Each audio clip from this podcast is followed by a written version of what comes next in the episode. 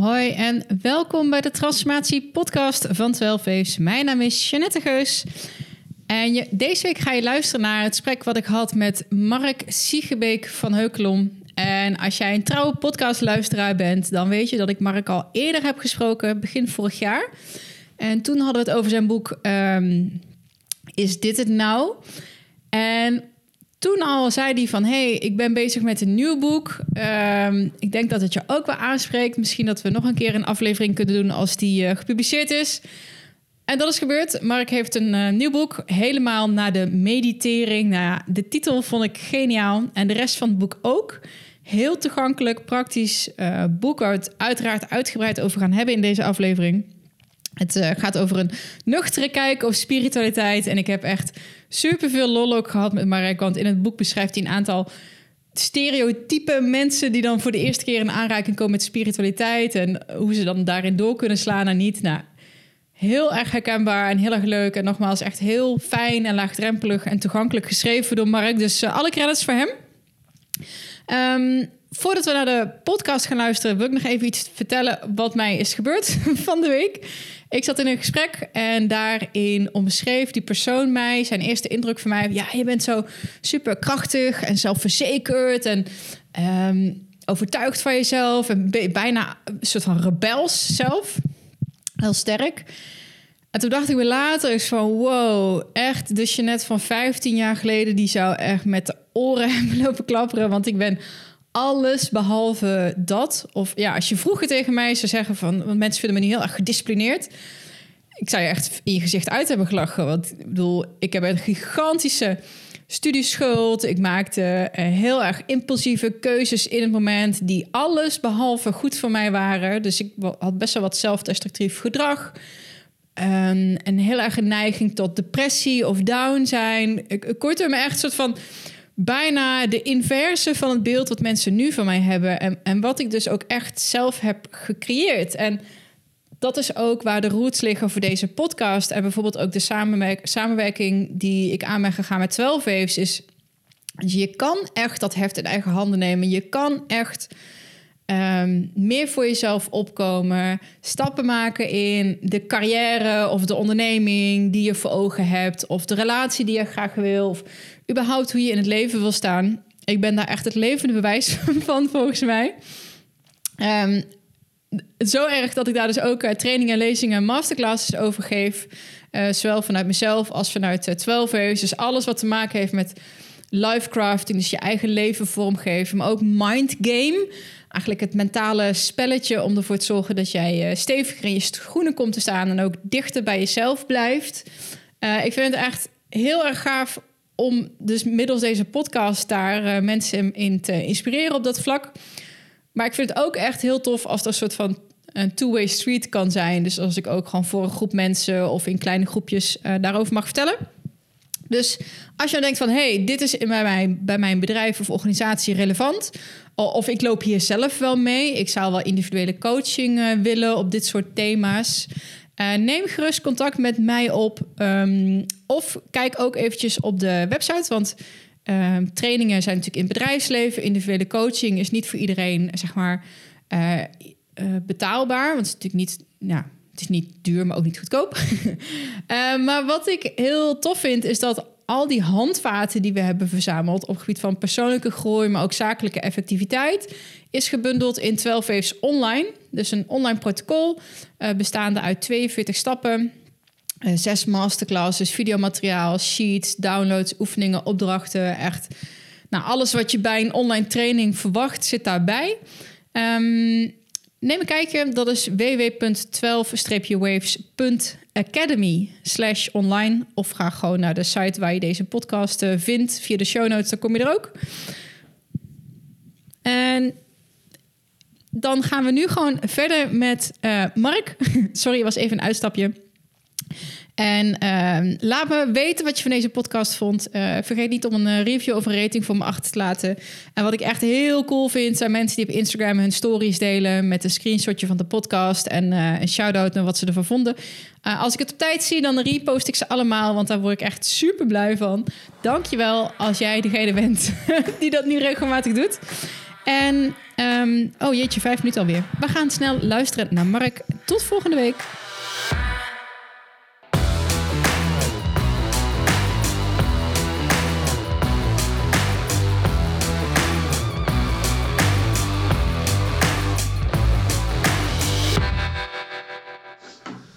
Alright. Ja, welkom in Utrecht. Al een beetje te laat. Ja. Ehm, nou, Mark, happy Valentine's Day. Dankjewel, ja. Doe je eraan? Nee, maar we gaan Nee. op Valentijnsdag helemaal naar de meditering. Ja. Ja. Ik kreeg echt hele toffe reacties op de titel alleen al. Ik had hem, Ja. eh, toen eigenlijk onze afspraak was, had ik hem gepost op Insta. Oh, en mensen reageerden echt heel positief Ja. eh, erop. Dus van, oh nou, we het trekt me niet zo aan, maar ik ga denk ik deze toch wel even kijken. Ja. Vertel eens even. Nou, dit is wel leuk dat je het zegt, want dat, ehm, dat gebeurde eigenlijk al voordat het boek uit was. Dus als ik mensen vertelde waar ik mee bezig was, ehm, heb ik trouwens twee ervaringen mee. Dus de, de ene is, ehm, ehm, ik weet niet eh, of je wel eens mensen iets over een, een spirituele beoefening verteld hebt, waarbij zij daar niet zoveel van wisten. Maar hè, mensen vertellen dat je mediteert, dat kan wel tot dit soort gezichten leiden. Dat, dat ze gewoon niet zo goed weten hoe ze zichzelf een houding moeten geven. Maar mensen vertellen dat je een boek schrijft over meditatie, dat is nog veel mooier. Want dan, dan op het stukje, ik schrijf een boek, zie je zo, oh wat leuk. Over meditatie, dan, ja, dan gebeurt er iets, maar dan is niet zo goed een houding te geven. Dus dan is, oh. Dus ik heb één keer gehad, ik heb eh, de eerste, het het begin van dit boek heb ik geschreven op, eh, op Tenerife, om helemaal gewoon even in isolatie te zitten en ehm, eh, gewoon alle, in alle rust te kunnen schrijven. En toen stond ik op een gegeven moment op de bus te wachten ergens. Toen werd ik door een vrouwtje aangesproken. En, en we kwamen in zo'n gesprek. Wat doe jij hier? Wat doe ik hier? En toen vertelde ik dus... I'm writing a book. En je zag haar helemaal oplichten. Oh, wat leuk. en ze, vroegen ze. Oh, ik zo... Ja, well, it's about meditation. En zij vertrok haar gezicht. was echt zo'n keurig vrouwtje, weet je wel. Een heel net vrouwtje. Ze vertrok haar gezicht zo raar... dat, ze, dat er allemaal lippenstift op de tanden kwam. dat ze zoiets deed. En toen zag zij er ineens als een, als een clown uit. Dus wij, weet je, ik stond zo, oeh, nu zie je er heel raar uit. Zij stond, jij, jij doet rare dingen, namelijk meditatie. Dus dat het gesprek was vrij snel, eh, was vrij snel af. Ja, bye, bye. Dus, dus mensen vertellen dat je mediteert, dat je een boek schrijft over meditatie. Dat, dat kan wel wat bijzondere reacties oproepen. Maar de titel, die, doet het gewoon supergoed. Dus als ik dat mensen vertelde, dan altijd een lach. Of, oh, nou, dat wil ik wel lezen. Daar ben ik wel benieuwd naar. Ehm, dus ja, de titel is gewoon ijzersterk. En eh, eh, nou, ik begin nu reacties van mensen terug te krijgen die het boek ook goed vinden. Dus dat is ook wel fijn. ja, het is wel fijn dat het niet alleen een goede titel is, maar dat eh, mensen er ook nog echt wat aan hebben. Ja. Ik was echt nou, aangenaam verrast. Klinkt heel negatief, zeg maar. Ook omdat... ehm, ja, je zit al een beetje in die materie. En je denkt, oké, ja, boek over meditatie, het is allemaal wel. Maar een, een beetje het begin... En dat vind ik dan ook wel... En daar wil ik het ook met je over hebben. Want je begint echt helemaal met het imago van spiritualiteit. En dat Ja. heel verzachtig, heel voorzichtig, langzaam, een beetje losweken. En dat had ik zag totaal niet aankomen. Ik was het lezen en toen dacht ik... Oh, maar dit is echt super slim. Ja. Ehm alhoewel zo van, zijn er mensen die dan last hebben van dat imago van spiritualiteit, dat ze toch maar stom vinden. Weet je, kopen die dan wel zo'n boek? Dat was dan meteen wel zo'n vraag. Ja. Zo van, Ja. maar even, maar, maar, maar, ik maak eerst mijn compliment. Ik vond, ik vond, ja, ik, nee, Ja. ik vond hem echt heel, echt heel goed. Ik vond hem echt, echt een aanrader. Nou, dat vind ik super leuk om te horen. Ja, dat vind ik echt tof. En ehm, ehm, misschien wel tof om... eh, hè, Ja, dat, dat is Nou ja. Ja, nou ja, maar ook, jij weet al wel wat over deze dingen. Dus dat, ik, dat blijkbaar het boek dan ook nog wat toevoegt... of in ieder geval goed ontvangen wordt... dat vind ik wel heel cool om te horen. Ehm, omdat hij is natuurlijk in principe...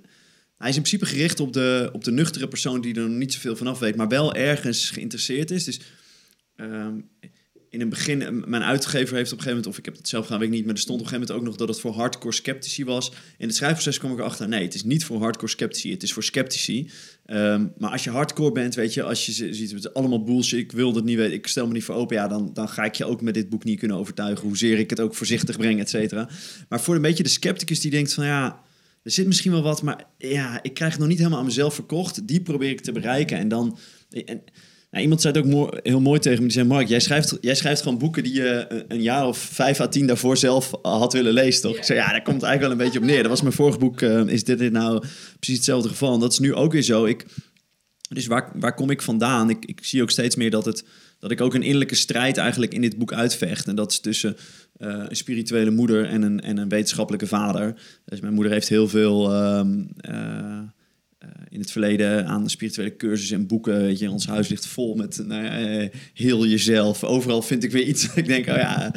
Ehm, maar mijn vader was, eh, was eh, die is nu met pensioen, maar die was specialist. Weet je? Dus die werkte gewoon evidence-based in een ziekenhuis.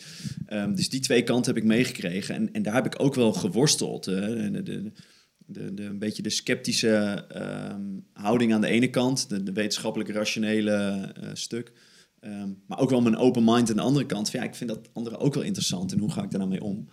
Ehm, dus, ja, dus dat is de persoon die, die ik eh, probeer te bereiken ermee. Ehm, en mensen die al een paar stapjes hebben gezet met meditatie, spiritualiteit, die hoop ik het gewoon net wat, wat nuchterder te duiden. Dus weet je, ik, ik heb wel vrienden gehad die dan vroegen: hey, ja, jij bent er allemaal mee bezig, wat moet ik dan lezen? En ik kon ze ook nooit echt een boek aanraden. Want weet je, als ik Eckhart Tolle aanraadde, dan, ja, dan haakten ze gewoon na drie bladzijden af. Dus ja, een vriend van mij zegt altijd: dat is die vervelende Duitser. dat hoef ik niet te lezen.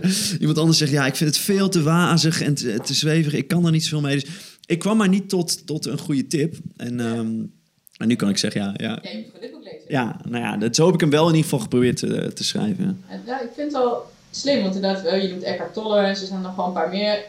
Dat is ook mijn ingang geweest, niet Eckhart Tolle per se, maar wel die hoek, weet je. En dan, Ja. daarom vond ik jouw boek zo verhelderend. Je gaat op een soort van heel erg detail, diepgaand niveau, stap je erin. Eh, waardoor je heel erg gefocust bent op bepaalde technieken of... of Weet je, jij bent gewoon een stapje teruggenomen. Je bent gewoon dat, dat veld eens gaan bekijken. Van oké, Ja. wat is dit nou eigenlijk? Ja, En dat heel, heel laag Ja, dat- met humor, leuke voorbeelden. Ja. Ik zit trouwens hier, misschien dat ik er wel even over kunnen hebben.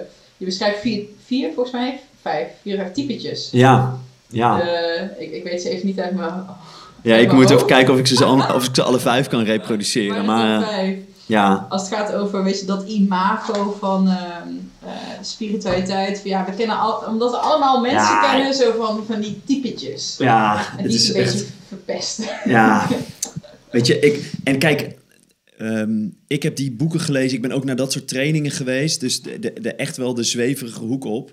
Ehm, en er zitten mensen die er gewoon die er helemaal induiken. Die, die echt, eh, wat ze in Amerika zo mooi zeggen, they drank the Kool-Aid. Ehm, die, ja, die, die zien zelf... Wat, wat ik belangrijk vind, zeg maar, is, eh, is nuance erin. Ja, de, hier, dit is hem inderdaad, ja. Ja, dus eh, ehm, dat je ergens kan zeggen van, weet je, meditatie brengt heel veel, bijvoorbeeld. Maar er zijn ook wel wetenschappelijke meta-analyses die zeggen dat het eigenlijk niet zoveel om het lijf heeft. Dat, dat je nog kunt zien hè, van, dit is niet de waarheid. Maar het is wel interessant om het te verkennen.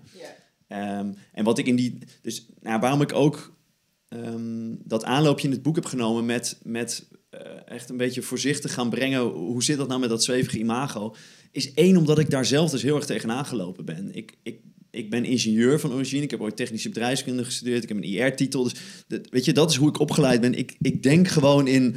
Het moet kloppen, ik wil weten hoe het zit. En, en dat is mijn allergrootste valkuil. Want sommige dingen zijn ook waar zonder dat je weet hoe het zit. Dus daar moeten we misschien straks nog op komen. Ehm, maar voor mij is die ingang wel belangrijk. Om het, eh, dat, dat je op zijn minst eh, de moeite hebt genomen om uit te leggen waarom iets zo is. Of waarom het werkt of waarom het zou kunnen werken. Anders dan stel ik me er toch niet voor open. Dus dat wilde ik ook doen. En, en, en als je dan die wereld induikt, dan zijn er dus allemaal mensen die dat niet doen. En ik, vond dat, ik vind dat gewoon heel irritant. Eh, Welk typetje zou jij zijn? ja, ik, heb ze allemaal in me, Ja. weet je? Ja, noem ze even op. We hebben Olga de overcompenseerster. Ja, dus zal ik, zal ik ze per Ja, stuk dan even het toelichten? Dat Wat, is wel echt heel leuk, want het- Dus- ik denk dat dit heel herkenbaar is. Ja, dus vooral als je mensen hebt die in de spirituele wereld zitten, dan, dan herken je dat waarschijnlijk. Een typische Olga is iemand die bijvoorbeeld in de corporate wereld werkte ehm, en, en daar ja, misschien al vanaf het moment dat ze dat ging doen niet helemaal paste. Of in ieder geval op een punt erachter komt van, eh, ja, dit is eigenlijk niet helemaal mijn ding. Maar heel lang dus een rol heeft moeten spelen. Bijvoorbeeld altijd in mantelpakje, make-up op, eh, hippe fancy eh, etentjes in Amsterdam, noem maar op. Maar eigenlijk altijd heeft gevoeld van, ja, dit is niet helemaal wie ik ben. En op een gegeven moment ik roep maar wat, in een burn-out terechtkomt... of er overlijdt een ouder, maar die komt op een kantelpunt... en denkt van, ja, waar ben ik nou helemaal mee bezig? En dan volstrekt de andere kant op doorslaat. Dus dan alle make-up gaat af, mantelpakjes gaan uit... yogabroeken gaan aan, BH gaat uit... eh, het haar blijft overal staan, eh, weet je wel? Dus eh, die, die gaat helemaal door de andere kant op met... Ik, ja, ik wil helemaal vrij zijn. En wat oké is, hè, dat is echt oké... Maar ehm, wat je ziet is dat waar een soort van de corporate wereld en alles wat daarbij hoort, eh, eh, het dogma was, wordt nu het nieuwe dogma met alles moet maar kunnen en mogen. Ehm, eh, en, en nou ja, gewoon helemaal daarin en, en zichzelf verliezen. En vooral, weet je, dus het is co- overcompenseren van dat wat je, waar je eerst volgens jezelf heel erg volgens regeltjes moest lezen, nu ineens alles vrijgooien. En nogmaals, het is oké, alleen het kan voor de omgeving wel gewoon vrij irritant zijn. Weet je wel, als dat ja, een vriendin van jou was en daar had je een bepaalde verstandhouding mee. En nu als je over de vloer komt, is het. hey, hoe gaat het? Weet je wel? En de wierook brandt en eh, de klankschalen worden. worden Ik heb ehm, trouwens ook een klankschaal. Dat lijkt me echt geweldig. je wil een klankschaal? Ja. ja. Alleen om mensen te fucken die er niet zoveel mee kunnen. ja. ja. Dus, nou, weet je dat? ehm, ja, dat is de typische Olga. Ja, oké. Er zit een le- leuke ehm, systeem achter. Misschien moeten mensen het boek verkopen. Maar dat vind zo, dat, dat pendulum, weet je wel. Dat je Ja. eerst even doorslaat in een extreem iets, voordat je weer terugkomt bij een gemaakt. Als het goed is. Maar sommige Precies, dus dat is hoe, hoe verandering vaak plaatsvindt. Dat je, je doet het nu op een bepaalde manier eh, en, eh, en dan wil je het veranderen. En dan sla je even helemaal door de andere kant op. En op een gegeven moment denk je ook even, ja, dit gaat ook nergens op. Ga je terug naar het oude, maar dan kom je nooit zo ver terug als het was. Dus het is als een pendule die zo heen en weer slingert en uiteindelijk in een gezond midden uitkomt. Maar ja, dan komen we bij, wat is de volgende, de goeroe? Ik weet niet welke voornaam ik haar ook weer. Grace. Grace de goeroe, ja. Ja, dus Grace de Guru is iemand die wel een beetje blijft hangen in het, in het helemaal spirituele. En vervolgens daar heel veel identiteit aan gaat ontlenen. Ehm, eh, en nou, bijvoorbeeld de naam verandert, de eigen voornaam verandert of de hele naam. Ook wederom helemaal niks mis mee. Dat, weet je, dat, dat kan heel mooi zijn. Ehm, maar je ziet gewoon dat het, dat het op een gegeven moment niet meer gaat om eh, oprechte spirituele beoefening. Maar dat het, dat het ook imago wordt. Dat het ook een identiteit wordt. En dan blijvend. ehm, eh, ja, en die kan er, weet je, die kan er helemaal in opgaan. En eh, Daar ergerde ik me een beetje aan in de, de, die, de ayahuasca-veld. En Ja. Nogmaals, en wat, wat je al zegt, er is helemaal niks mis mee. Daar staat een beetje de, de overcompenseerders die dan blijven hangen in. Weet je, dan ga je naartoe en dan kijk je. Dan zie je die mensen een jaar later toevallig nog een keer op een ceremonie. Die zijn dan helemaal, ja, helemaal. En dan, het, maar denk, dit gaat niet meer om heling of het medicijn of whatever. Het gaat om het, het- de identiteit. Oh, precies. Ben, nu ben Maar dat is, precies dat is het. Dus het is gewoon een nieuw imago dat ze hebben aangemeten. En wat ik het, het, het lastigste eraan vind, is dat er een ehm, dat zij zonder dat ze het doorhebben vaak een soort van morele superioriteit uitstralen. Zo van. Spiritueel correcte ego. Ja, ja en, en zij zitten, je hebt echt geweldige, daar refereer ik ook aan in mijn boek, je hebt geweldige, eh, misschien kun je een linkje opnemen onderin straks, eh, YouTube-video's van JP Oh, Sears ja, van Ultra ja, Spiritual. ja. Dus dit zijn typische Spiritual ultra spiritual mensen. Ja, ja, dus dat zijn, hij, heeft, hij doet dan ook heel mooi voor, dat, dan legt hij uit wat ultra spirituality is. Zegt dus, so to be ultra spiritual, you have to be more spiritual than other people. en, dan, en dan zie je hem zo op, een, eh, eh, op buiten op de stoep zitten en dan komt iemand voorbij en dan zegt hij zo, ehm, hi Jack, hi. En dan kijkt hij in de camera en zegt hij, Jack is so unconscious. Weet je wel, dus dat je daar dan je identiteit alleen moet je kijken hoe moreel superieur is, want ik ben zo conscious. En dat is de Het is een typische... beetje virtue signaling. Zo van, kijk mij is zeg maar deze... Hoe noem je dat nou? Ja, eh, de term virtue Virtue, ja? eh, signaling. Dus het Oh, planeren ja. van, Oh ja, ja. van je virtues, van je, van Precies. je krachten. Zeg maar. Oh, kijk mij eens even. Ja, Eh, je, hebt ook, ham- eh, je kunt ook heel erg eh, dat je humble bent. ja. Humble bragging. Dat is ook, weet je... Oh ja, ja. Ah, ik krijg al jeuk als ik als Ja, nou, maar het is, het is precies dat Ja. allemaal. En er is wel een heel mooi, ehm, een heel mooi boek erover. Ehm dat heet Spiritual Bypassing. En dat gaat echt over de. ehm, het heeft een geweldige ondertitel ook, die ik even nu niet eh, helemaal paraat. Maar dat, is- dat is iets in de trant van. Why spirituality can block your personal growth of zo. Iets in die hoek. En het was wel grappig. Ik was met, met, wat vrienden naar een, bruiloft in het buitenland. En dat zijn best wel nuchtere gasten. En een van hun zag mijn zweefboek liggen, weet je wel. Spiritual bypassing. Why spirituality can block your path to, to personal growth. Hij zo, die ondertitel klopt niet. Ik zeg, ja, die ondertitel klopt wel. Hij zo, oh, oh, dus die was helemaal verbaasd dat ik een boek ook las, wat dus eigenlijk uitlegt van spiritualiteit kan je ook onwijs in de weg staan, zodra je er dus je imago van maakt eh, en de diepte niet meer in wil. Dus hij heeft het ook over ehm, ehm, blind compassion bijvoorbeeld. Dus de- als je maar voor alles compassie hebt, ja, dan, dat is niet heel spiritueel. Weet je wel, als je het echt voelt, is het, is het natuurlijk hartstikke mooi als je daar komt, als je verlicht bent en, en echt voor iedereen compassie op kan brengen. Maar in heel veel gevallen, vooral deze, bij de Grace the Gurus, daar is het gewoon, eh, ja, ik, moeite hebben met grenzen stellen, weet je wel. Geen conflict aan willen. Dus eigenlijk gewoon niet voor jezelf op durven komen. En dan met, precies, en dan met een sausje van, ik ben zo compassievol. Ja, zo werkt het niet, weet je. Dus, eh, ja, en wat wel leuk is nog met die Pendulum of Change. ehm, ik kwam op een gegeven moment, eh, je hebt Robert Bridgman, is ook een, een, een bekende Nederlandse... Ja, en, en eh, Lichter Leven, zo'n boek heeft hij geschreven. En ehm, hij heeft heel mooi op zijn Facebook staan drie foto's achter elkaar. ehm, voor, na en nu. En voor is een, een, een, een dikke, volgevreten, door, doorgedronken, doorgerookte zakenman. Na is zo'n zalvend gezichtje met een kettingje om en weet je zo. En nu is gewoon een hele weet je, ja, hij ziet er heel normaal uit. Gewoon wel een overhemd, maar niet zo. eh, gewoon een normale gast, een normale Hollander, zeg maar. En, dat is eh, een prachtig voorbeeld. Ja, dat vind ik heel mooi. Ja. Van, eh, dus het is oké om door te slaan. Ehm, en, en nogmaals, alles is oké. Of in ieder geval, weet je, ik, ik, wil er, ik wil er ook weer niet te dogmatisch in zijn. Maar dit is. eh, De, de, de natypetjes kunnen wel gewoon bloedirritant zijn voor de omgeving. En, en helpen dus in mijn ogen ook niet altijd om mensen open te stellen voor spiritualiteit. Omdat de doelgroep die ik aanspreek, die staat er gewoon nog niet helemaal. Die is nog wat sceptisch. Ja, want als je zo'n Ja. collega hebt, weet je wel, die doorslaat, of een tante of een vriendin, weet je, dan denk je, oh, Dat schrikt af. is dit? Ja, Iemand die zijn huis in één keer helemaal roze met eh, paars gaat schilderen Ja. en overal vloekbeetjes. eh, ja, ehm, dat, dat spiritual bypassing trouwens, hè. Volgens mij was het gisteren. Las ik dat je, ehm, als het gaat om mediteren, mediteren, weet je, ja, daar gaat het zo over hebben, de voordelen, maar het kan ook heel eenzaam voelen. Ja. Dat, dat mensen dat ook zeggen van, hé, hey, ik begin daarmee, maar ik voel me gewoon oncomfortabel, eenzaam. Maar dat mensen dan fijn vinden om in een groep te mediteren. Ja. Omdat je dan ook de vibe ook... En dat is ook een beetje, dat werd ook een beetje als voorbeeld gegeven van een soort van, niet bypassing, maar wel een beetje, ja, cheaten is het ook niet. Ehm, nou, wel bypassing. Want Ja. het is ook oké om te zitten en Precies. je gewoon eenzaam te voelen. En het hoeft niet alleen maar een, een hoge vibratie, fijne ervaring te zijn, Nee. waar je helemaal... Nee. Nee. het is ook zeg maar dan even in die leegte en die kilte Ja. zitten. Nou, en, en dus misschien wel mooi om daar nog, nog wat nuancering bij te zetten. Dus, dus eentje is dat, precies zoals jij nu zegt, wat ik ook uitleg op een gegeven moment als ik het over spiritualiteit ga hebben in hoofdstuk 4, is dat, dan leg ik een paar dingen uit wat spiritualiteit is, maar ook op een gegeven moment wat het niet is. Nou, het is, ehm, eh, het is geen wellness, dus de- er wordt ook vaak de fout gemaakt dat, weet je wel, naar, naar de sauna gaan en naar een boeddhabeeld kijken en dan lekker in de warmte zitten en je laten masseren. Ik ben super spiritueel bezig geweest. Dat is niet de fout die mensen echt maken, maar dat is wel hoe, hoe spiritualiteit soort van vercommercialiseerd wordt.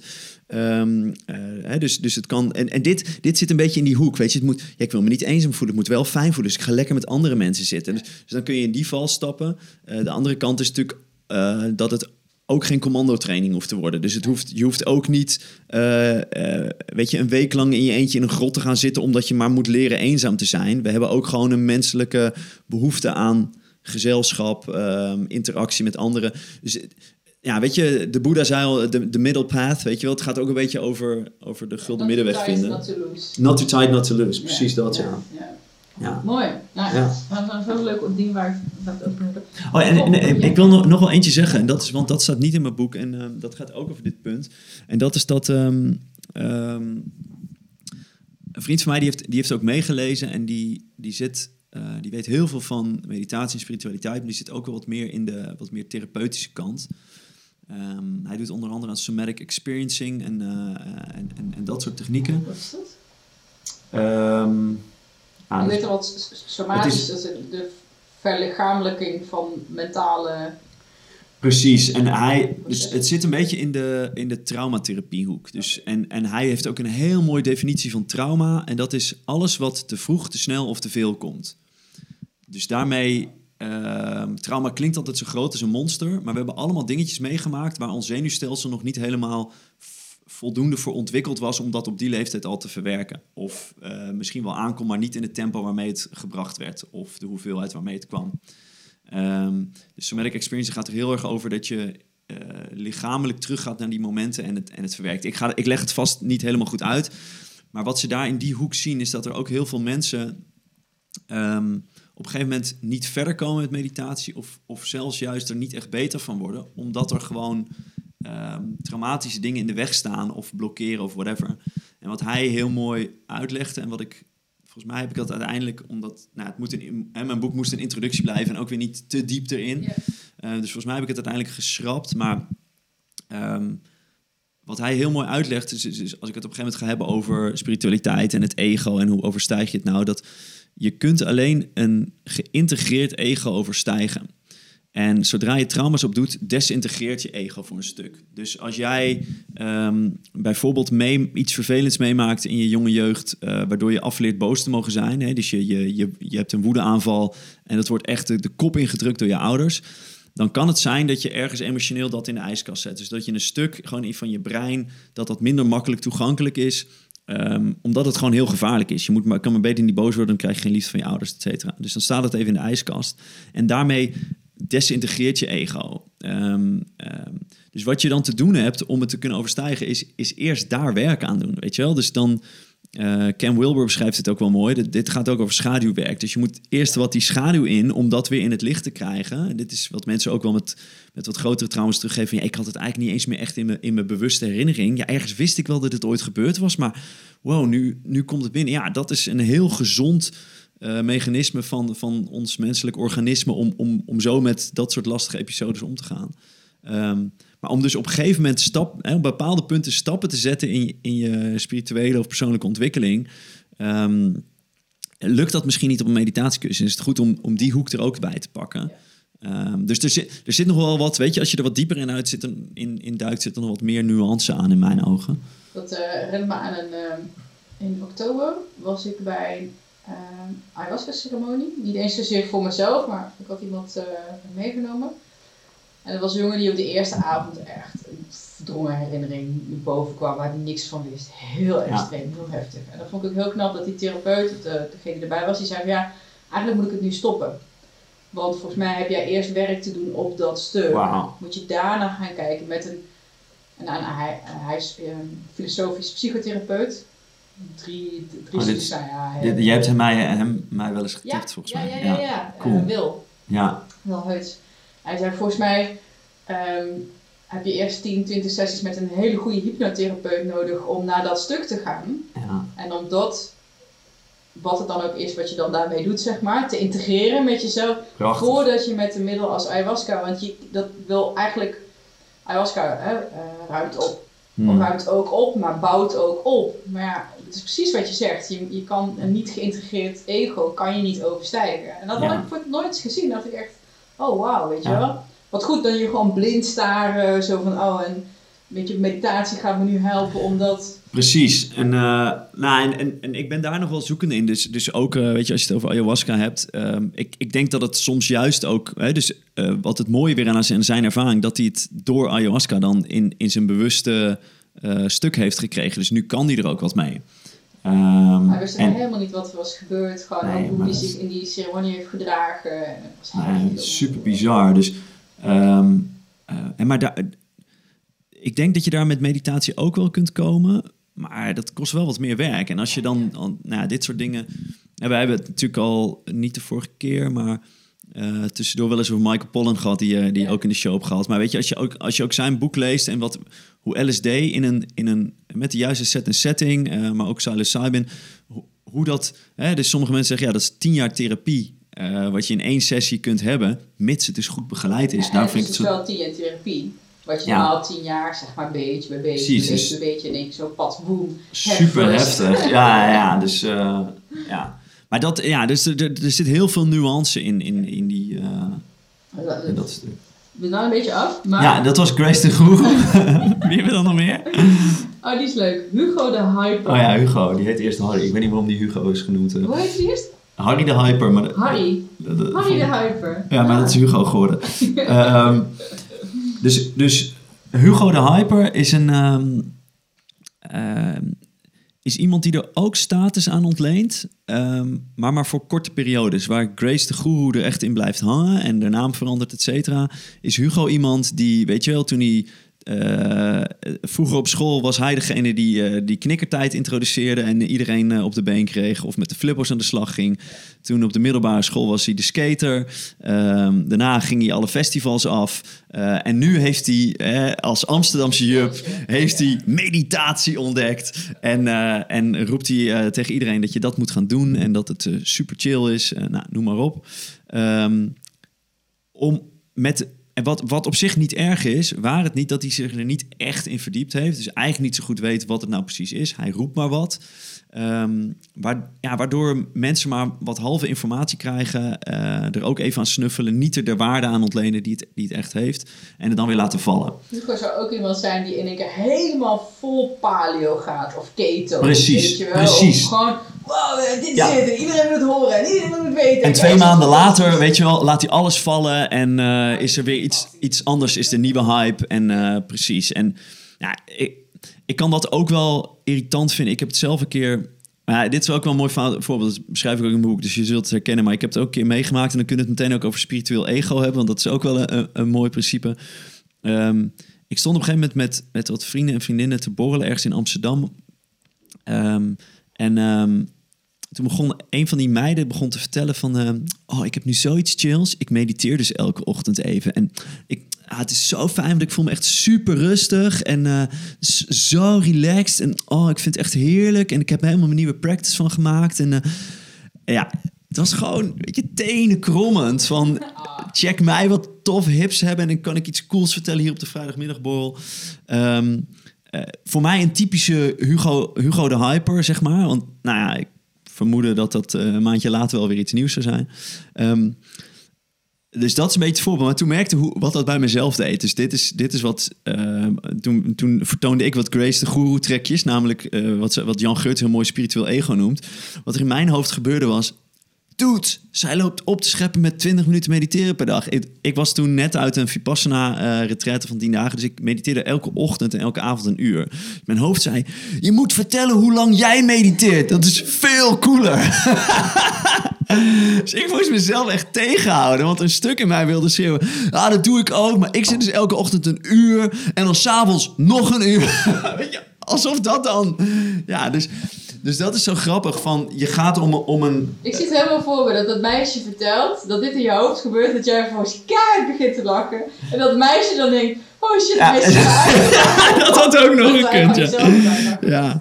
Ja, en ik denk dus dat het, ik weet niet meer precies hoe het gaat, het zou me niet verbazen als het me gelukt is me aanvankelijk mijn mond te houden. Maar ergens, weet je, dat ego kan zo dan omhoog komen. Dat ik dan toch even tussen neus en lippen door heb laten vallen. Dat, ik dat al veel langer deed. Ik, ik had, weet je, het is een beetje alsof iemand jouw uitvinding ermee vandoor gaat. Ik doe, waarom begin jij over meditatie? Ik doe dat al veel langer. Um, nou, en dat, dat is dus, ja, typisch spiritueel ego. Je begint met een, met een goede intentie aan iets, om gewoon voor je eigen persoonlijke groei, whatever. En op een gegeven moment kan je ego er grip op krijgen. Die zegt dan, hey, hier kan ik ook wel status aan ontlenen. Um, en uh, nou ja, dan is de kunst, weet je wel, kun je dat doorzien en kun je kijken of je er niet op kunt handelen. Of je het gewoon kunt laten. En, uh, ja, het, wat, jij, wat jij gewoon heel mooi doet, is toch gewoon kaart om te lachen. Weet je, dat is feitelijk ja. maar gewoon het enige wat je kan ja. doen. De, de humor ervan inzien. Precies, oh, kijk mij. Precies, dat is het. Lekker. Ja, en het is wel leuk, dus je, je kunt...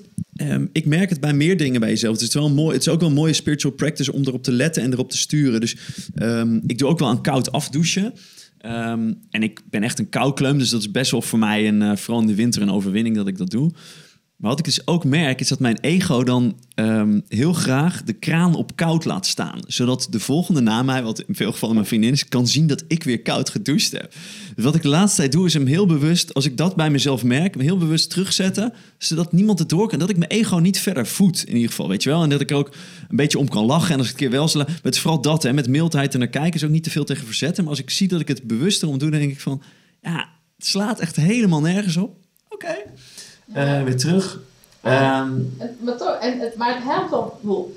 Ik zat, zat het voor kort in een groepsappje waar we drie man wilden we heel graag gewoon uh, elkaar accountable houden voor een aantal gezonde gewoonten. Nou, het begint wel van Tiek. Ik was de enige die dan nog elke dag, ik wilde elke dag gaan hardlopen of wandelen. En dan een runkeeper zette ik aan, al is het maar 10 minuten, maar gewoon om ja.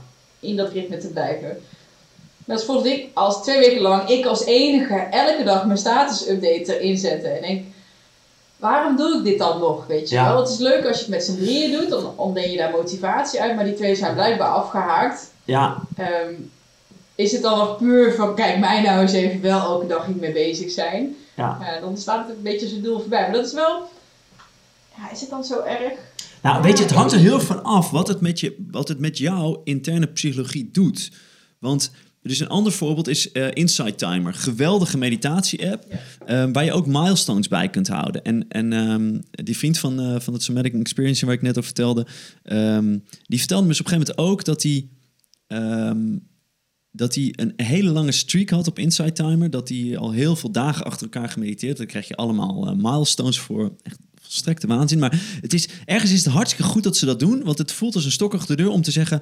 oh ja, ik wil, ik wil niet mijn streak verbreken. Ik ga toch vandaag nog even zitten. Maar wat er bij hem gebeurde is dat hij onverhoopt toch een keer die, die lange streak doorbrak. Dat, dat het, en toen stopte hij dus gewoon een hele tijd mee. Toen was hij zo boos op die fucking app dat, het, dat de streak verbroken was. En ik denk, ja, en dan, weet je wel, dan, dan, ben je, dan doe je het niet meer om goed voor jezelf te zorgen of whatever. Dan ben je echt alleen maar vinkjes aan het halen. Eh, en zodra je de beloning van het vinkje niet meer krijgt, doe je het niet meer. Dus dan, dan is het heel voorwaardelijk geworden. En dus wat, wat ik dan ook een spiritual practice vind, is om op een bepaald punt te zeggen: Ik doe dit echt alleen maar voor die streak. Oké, ik ga vandaag bewust niet met. Ik ga wel mediteren bijvoorbeeld, of ook niet. Maar ik, ga, ik zet Insight Timer niet aan, weet je wel? Dan, ja, dan is het, Dus ik heb het ook wel gedaan toen ik, toen ik net stopte met, met alcohol drinken. Dat was echt vanuit gezondheidsoverweging. Mijn lichaam reageerde er gewoon niet meer goed op. Ik vond het niet chill. En op de eerste maand was het gewoon heel relaxed. Ik merkte wat fijn voor mezelf. En de tweede maand merkte ik dat ik begon te tellen. Ik zei, oh, ik heb al een maand erop zitten. Ik heb al anderhalve maand erop zitten. En op een gegeven moment ging het richting de twee maanden. En toen merkte ik, ja, maar ik vind het irritant. Dit is niet waarom ik het deed.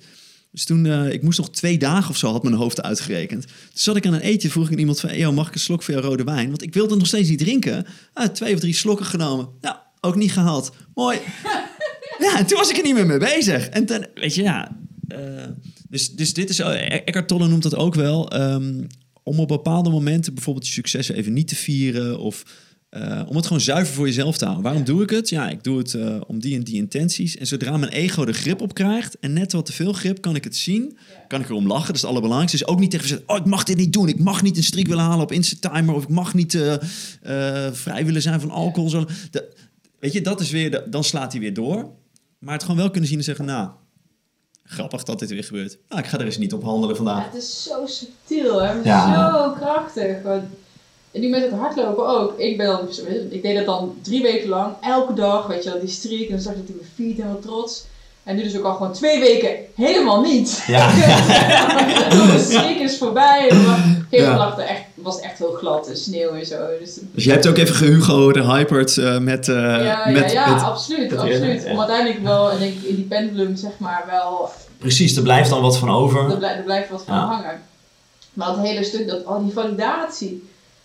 ah, Zo weer een eye-opener om je te beseffen van hoe krachtig dat bij alles aanwezig is. Ja. Oh, al een maand. Oh, al twee Ja. maanden, weet je wel. En dan, het is precies wat je zegt, voor wie? Ja. Ja. Ja, voor mij. Maar ook al ziet niemand dat, zou ik het dan ook doen. Oh man. ja. Brengt me ook trouwens zo meteen bij social media. En dat vond ik leuk aan het begin van je boek. Maar, Wat zei je, brengt je bij? Social media. Ja. En ook bij ja, het begin cool. van je boek. Maar Ja. Gerard de gekwetste. Oh, die is ook zo mooi, ja. dus ehm, ehm, Gerard de Gekwetst is iemand die... ehm, ja, die shit in het verleden heeft meegemaakt. Ehm, daar eigenlijk al heel lang mee worstelt. En op een gegeven moment... Ja, gewoon eigenlijk com- comfort. ehm, eh, hoe zeg je dat in het Nederlands? Eh, troost vindt in die spirituele hoek. Dus daar zijn allemaal hele zachte, zalvende, fijne, relaxte mensen. Ehm, maar dat, dat brengt hem zoveel. En hij wil niet terug naar die oude, enge, grote, eh, grauwe buitenwereld. Dat hij daar helemaal in opgaat. Dus je hebt wel mooie documentaires waar ze eh, ja, sectes ingaan. eh, weet je wel, of, of gewoon eh, ja, spirituele communities gaan rondkijken. Je hebt natuurlijk de topper Wild Wild Country op Netflix. Waanzinnig. Bekijk die. Ja, moet je echt zien. Echt zo tof. En, en ook zo mooi weergegeven met... Er is niet één keer een documentairemaker of iemand aan het woord. Het is alleen maar interviews, interviews met alle betrokkenen. Alle kanten zijn belicht en je kan gewoon lekker je eigen conclusies trekken.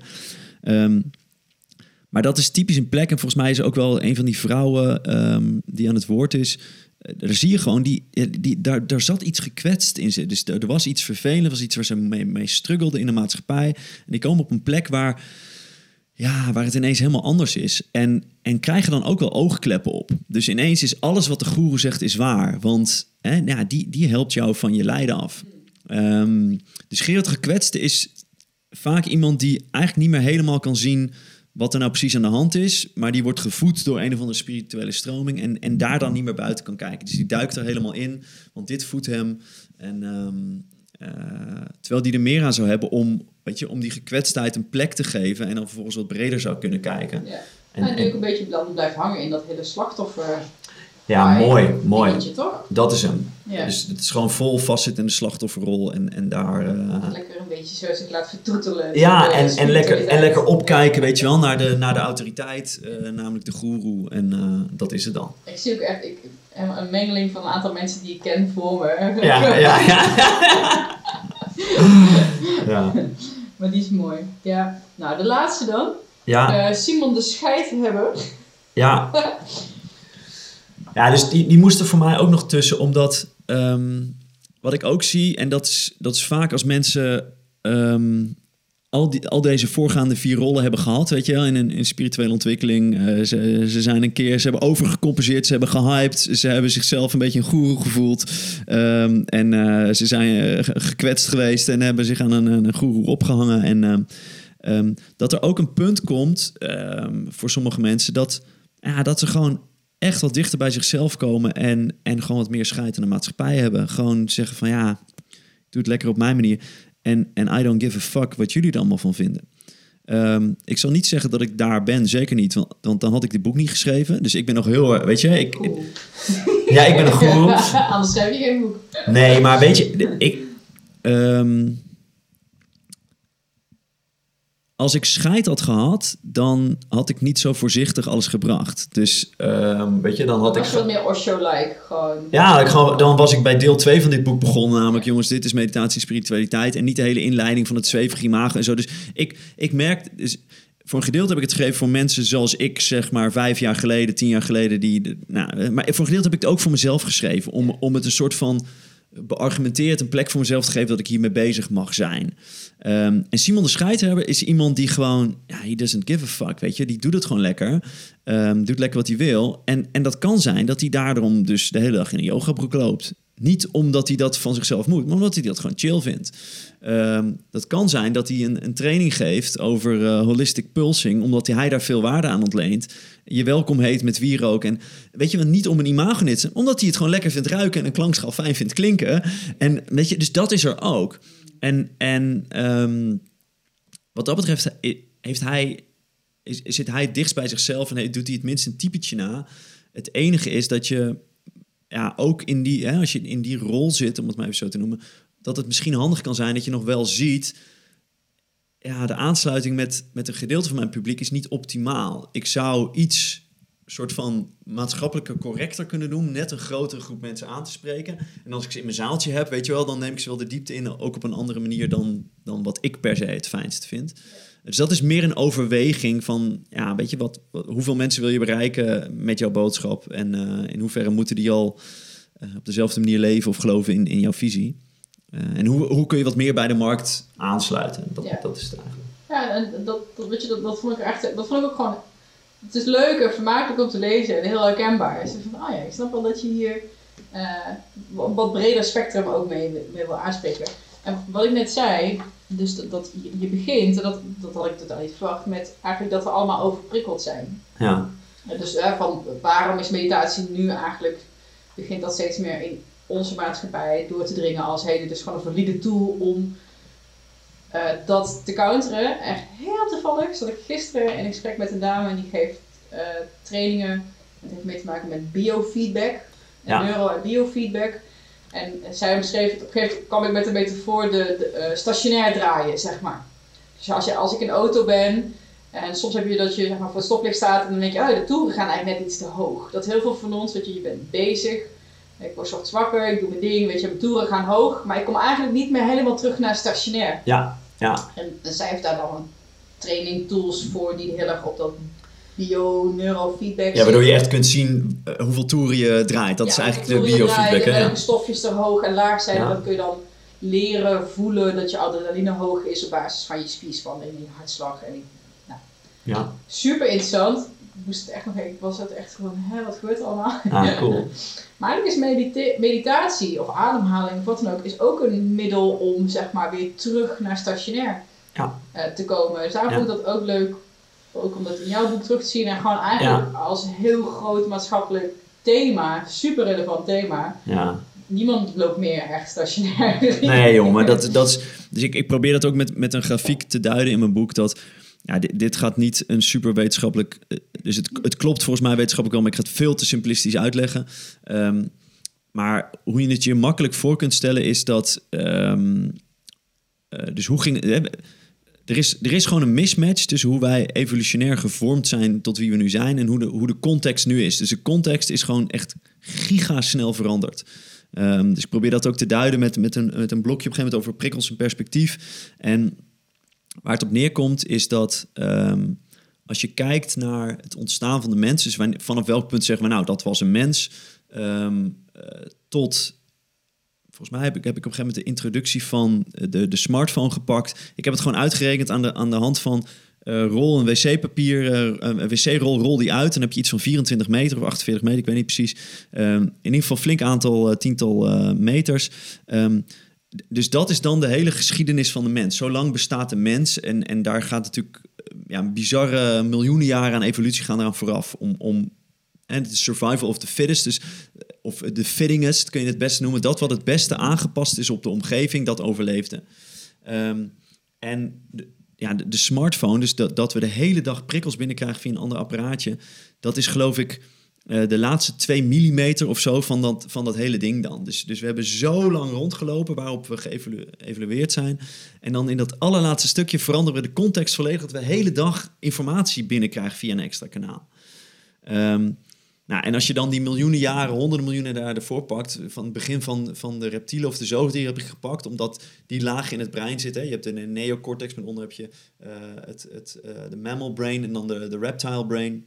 Dus dat zit er allemaal in. En, en zo reageren wij ook nog steeds op prikkels die we van buiten binnen krijgen dan is, het, uh, dan is het niet meer uit te drukken in de laatste millimeters van, van die wc-rol, van, van het papier. Maar dan zit de dikte van één laagje als een wc-rol, dus met de huidige gewoon, of dat papier, uit 250 laagjes zou bestaan. Dus dat is echt, uh, echt, echt minimaal. Dus dat kun je je bijna niet voorstellen. En wij vinden het dan maar dat we ja, gewoon normaal om moeten kunnen gaan met die prikkels van die smartphone. Maar ja, zo, zo, zit, zo, zo zitten de hersenen in ieder geval niet in elkaar.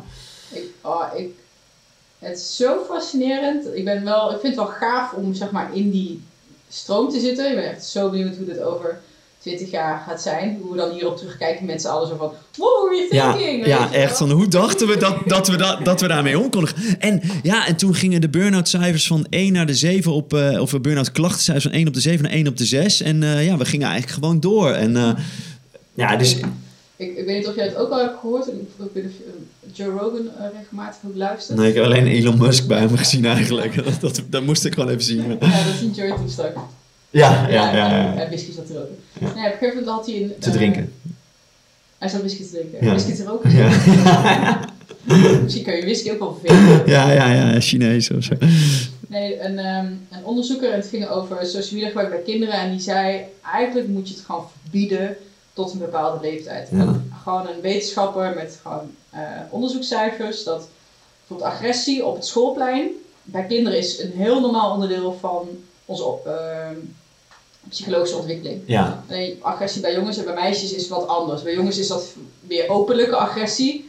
En bij meisjes is dat vaak meer een beetje negeren, een beetje slinks. Oh ja. Weet je, ja, een, beetje, een beetje... Een ander type agressie. Als je dat op social media doet, Um, is het nog steeds hetzelfde soort kind, nog steeds hetzelfde soort agressie, alleen de impact en de gevolgen zijn vele malen groter. En hij liet al cijfers zien van bijvoorbeeld automutileren bij meisjes op jonge leeftijd, dat sinds uh, de invoer zeg maar, van sinds dat die kinderen social media ook hebben, ook in het klaslokaal, et cetera, is dat dat echt nou, sky high, vele malen hoger is. Omdat die agressie die was er altijd al, alleen die wordt zo erg uitvergroot. Ja. Door, zeg maar, en het is ook niet te zien, zeg maar. Want het Dus je, je ziet niet hoe iemand het brengt. Ehm, en die boodschap kun je twintig... Weet je, woorden hoor je één keer, maar die boodschap kun je twintig keer Ja, teruglezen. op social media heb je weer hele andere vormen van Ja. zeg maar, passief-agressief zijn. Nep-accounts aanmaken, online pesten. Oh, Ehm, ja. eh, dus meisjes zijn gewoon een soort van gemeen tegen Ja. elkaar. Ja. En niet dat alle meisjes, maar het is natuurlijk Nou ja, ja. dat iemand op, man op, op het dak krijgen. Maar dat is dat de gevolgen daarvan. Dus dat die meisjes zichzelf gaan snijden omdat ze gewoon geen uitlet vinden, zeg maar, voor de Ja. emotionele Ja, verschrikkelijk. drama wat dan daar, of de trauma's die er oploopt. Ja. En dat je echt denkt van, wow, ik, sta, ik heb geen kinderen, dus ik sta daar helemaal niet bij stil. Maar dit zijn echt hele grote Ja, ik hoor- thema's. Ik hoor die verhalen zo. Ik, laatst vertelde een moeder mij, ze zegt, ja, het is, echt, het is echt heel erg. Want als ik mijn kind naar bed stuur, dan zegt ze... Nee, maar mam, ik kan nog niet gaan slapen, want ik moet iedereen nog wel te rusten wensen. En die moet dan van zichzelf iets van 100 mensen in de WhatsApp wel te rusten wensen. Dat doen ze daar. Je, je moet in de, in de klas-app moet je wel te rusten tegen iedereen zeggen. Dan moet je het daar, dan moet je nog persoonlijk... Die zei, ja, die hebben gewoon stress met naar bed gaan. Want iedereen moet nog even wel te rustig gewenst worden. Elke fucking dag. Dus daar is, nou ja, weet je, ik heb me hier altijd over verbaasd. Ehm, er zijn regels voor drank, eh, drugs, sigaretten, gokken, al die dingen die verslavend zijn. Ehm, terwijl de enige industrie, volgens mij, nou misschien samen met gokken, die, die er bewust op in wordt gericht dat het verslavend is. ehm, eh, dat, is, dat, is zo, dat is alles digitaal. Dus je kunt digitaal kun je zo bouwen. En voeding, dat is wel een goede. Ja.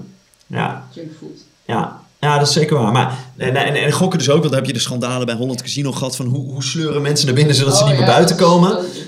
Maar, maar daar, daar is natuurlijk fel tegen geageerd. Maar game designers, die zijn gewoon alleen maar bezig met het zo verslavend mogelijk krijgen. Netflix kijkt wanneer haken mensen af in welke aflevering van welke serie. Want dan moeten de plots voor de nieuwe series aanpassen, dat dat niet nog een keer gebeurt. Eh, smartphone-ontwikkelaars die, die kijken naar hoeveel, hoe zetten we meer icoontjes en meer kleuren in, zodat mensen de, de hele daar. Zet je beeld op zwart eh, en, en zit alles in mapjes. En dan zit je gewoon minder op je telefoon, omdat omdat het jou minder trekt. Omdat het minder, ah, allemaal kleurtjes.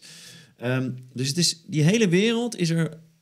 Al die prikkels zijn erop gericht om jou verslaafd te krijgen. Om vervolgens de dienst langer te gebruiken om producten te kopen. Ik had het met Paul Smit over en die zei dat zijn zoontje volgens mij, eh, in het begin maakte hij zich heel erg druk over Facebook en nu werd die telefoon in de hoek gegooid.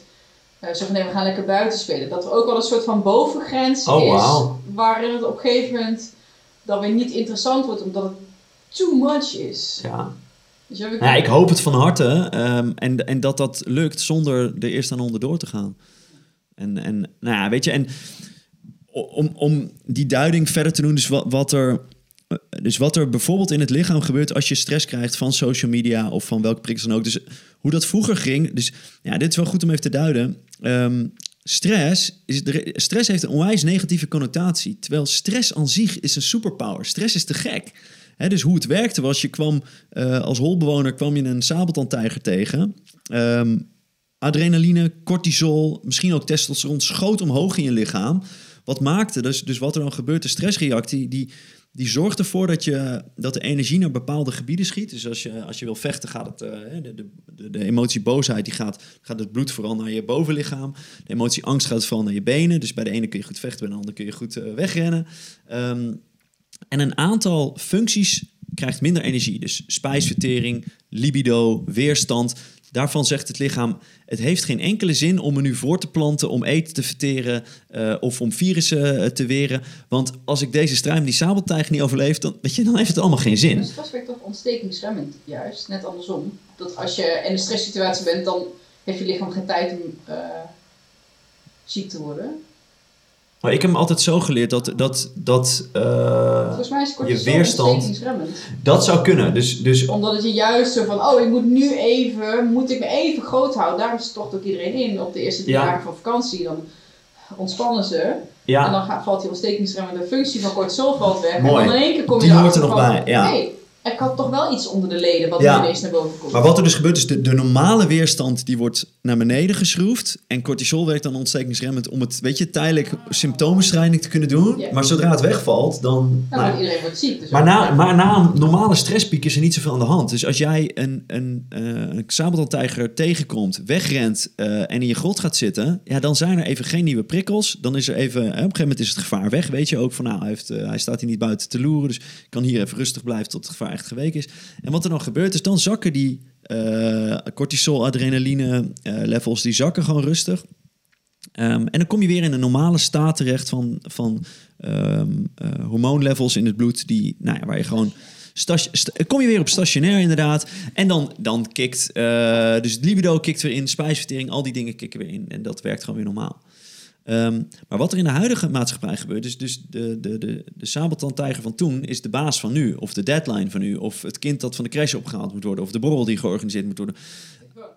De telefoon. En wat er gebeurt is, dus er komt één piek en je bent er even af en dan komt de volgende en dan komt de volgende. En, en, en dan op een gegeven moment, dan kun je het even loslaten, ga je slapen. Maar dan is het zo hoog en dan sta je nog zo aan dat je ook niet zo diep in slaap komt. En dan komt het nooit meer helemaal op dat lage niveau wat het, wat het ooit had. Dus wij hebben ook een soort van structureel verhoogd stressniveau. Eh, en dat is gewoon dus niet heel gezond, want je spijsvertering, je libido, eh, je weerstand, allerlei dingen zijn, zijn gewoon ja, eh, in, verlaagde functionaliteit. Gisteren heb ik gelezen van die mevrouw. En we kopen dat allemaal af. Ehm, weet je, we, we kopen dat af met soort van quick fixes. Een avondje Netflix kijken. Precies. Op de telefoon. Dat voelt allemaal als ontspanning. Ja, En maar eigenlijk is dat alles behalve ontspanning. Eh, Ja, en- en sommige dingen kunnen- wel, eh. Nee, en sommige dingen kunnen ontspannend zijn. Hè? Dus, dus een avondje stappen eh, kan, weet je, dan ga je lekker uit, ga je dansen, gebruik je lichaam, heb je leuke gesprekken met mensen, je interacteert, kan super stressverlagend zijn. Afleveringetje Netflix kijken als je een drukke dag hebt gehad, weet je, even niet met, met dingen die je agiteren of whatever, eh, of, of bezig zijn, maar even helemaal opgaan en iets leuks. Dat kan hartstikke lekker zijn, ehm, mits je dat, weet je, je er eentje doet. Hè, dus één, één aflevering. Ja, maar één aflevering is ontspannend. Ehm, en ook niet altijd. Dus soms heeft je, hebben je hersenen even geen... Hè, is, is, is het beter om even geen prikkels tot je te nemen. En zou je dus beter bijvoorbeeld op een stoel kunnen gaan zitten mediteren... waar we dan zo even op komen. Ehm, maar een tweede is vaak gewoon... Dus als je merkt dat je naar de eerste meteen de tweede wil... Nou dat is dus gedeeltelijk aan Netflix te danken... hoe goed ze die series hebben gehad. Maar gedeeltelijk ook dat je op dat moment niet wil voelen wat er eigenlijk is... Want je was dus even in een fantasiewereld. Het was heerlijk, geen stress. En dan kom je weer in je eigen wereld. En dan schiet het weer allemaal... Dus je, je voelt je fysiologie en, en eh, alles eh, hè, boven stationair. En dan wil je niet voelen. Dus dan wil je het nog langer afleiden. Nou, en dan wordt het vluchten en vermijden, et cetera. En dan, dan ben je niet meer goed voor jezelf aan het zorgen. En dan kun je beter op een stoel gaan zitten. eh, je ogen sluiten, even op je ademhaling letten.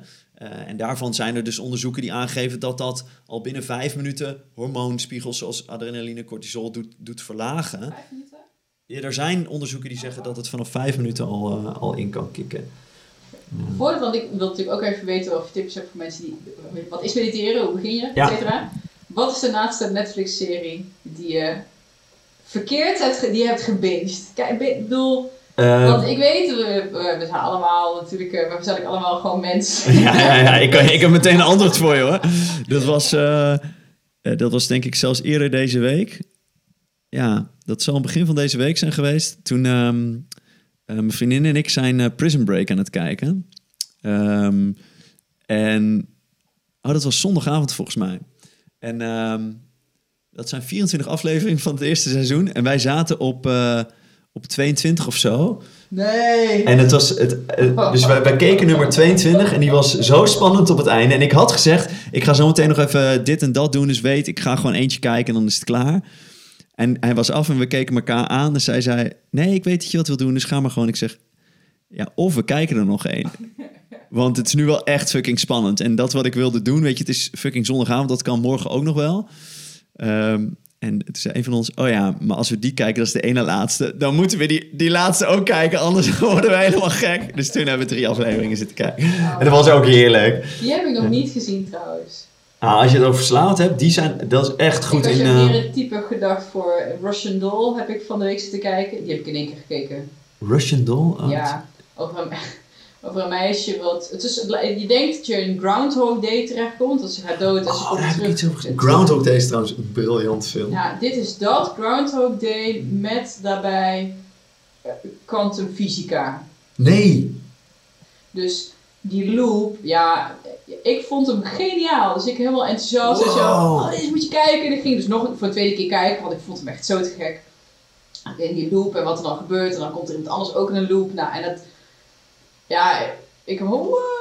En mijn vriend zo, jezus, wat een deprimerende serie is dit, weet je. Ja? Ja, ik ben, ik ben gefascineerd, dus die blijft kijken. Maar die had hem echt afgezet na vijf afleveringen. Nee, Terwijl ik, ik heb in één ruk doorgekeken. Oh, tof. Van Nou, dat, dat stukje, die alternate realities en zo. Ja. En ja, dat- Ik vind het ook heerlijk, weet je wel. M- Mijn broertje heeft ook wel eens, eh, toen hij studeerde, een eh, minor kwantumfysica gedaan. En eh, ik, ik heb zelf ooit String Theory for Dummies gekocht. En ik, ik moest gewoon meer daarvan weten. Ik vind dat echt mega interessant. Dus we, wij hebben het altijd over eh, de, de multiverse. En eh, Nou, dan moet je Russian Doll kijken. ja, geweldig. Oh, leuk.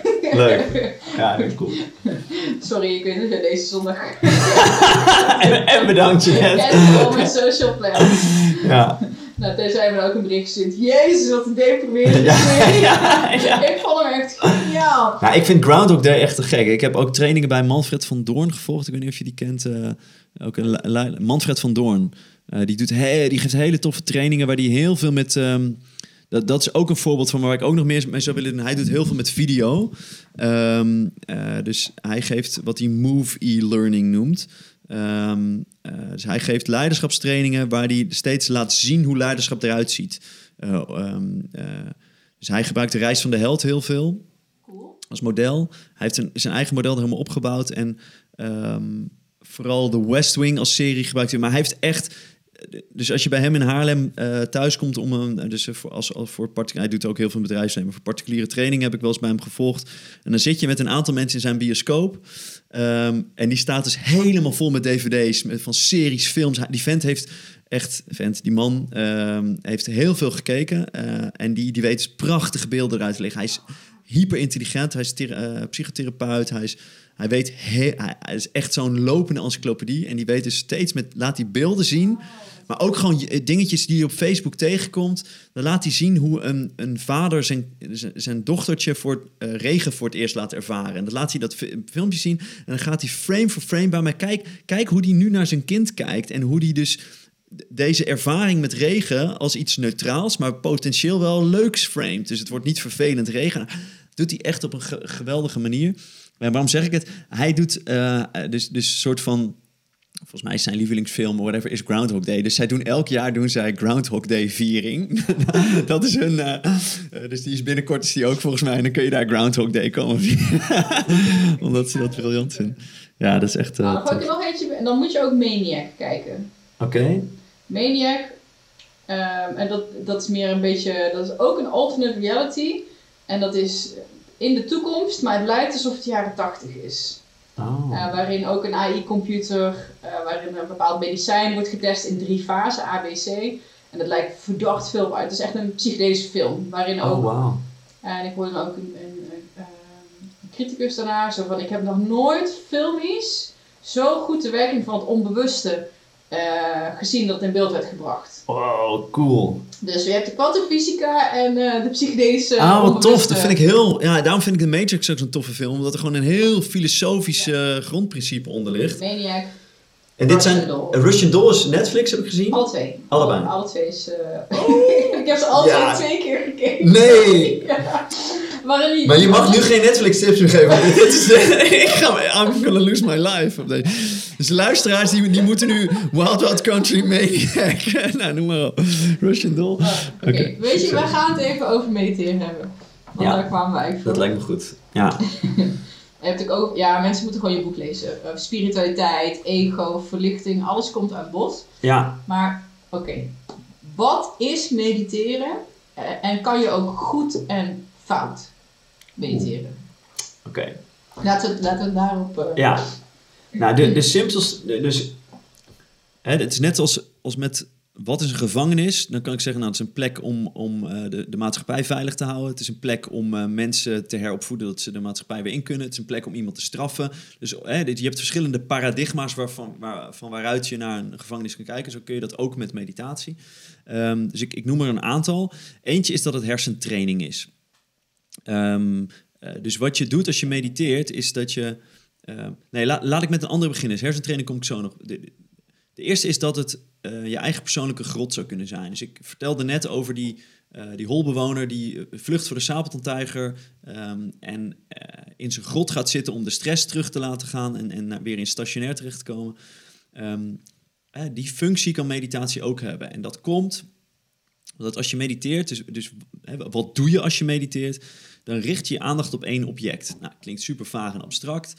Vaak is die, dat object is gewoon je ademhaling. Dus je gaat op een stoel zitten. Dus je hoeft ook niet zwevig op een kussen met je voeten over elkaar en je handen in kommetjes. Of je kunt gewoon op een stoel zitten. En in het begin vooral is het handig om je ogen te sluiten, omdat het je helpt om naar binnen te keren. Ik bedoel, als je kijkt, krijg je gewoon, er zijn meer prikkels, dus dan dwaalt je geest wat makkelijker af.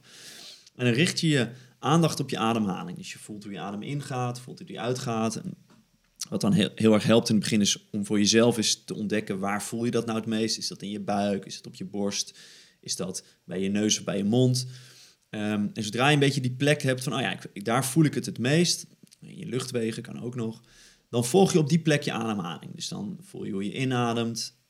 Dus misschien een pauze. En dan voel je hoe je uitademt. En misschien ook weer een pauze. En dat volg je zo een tijdje.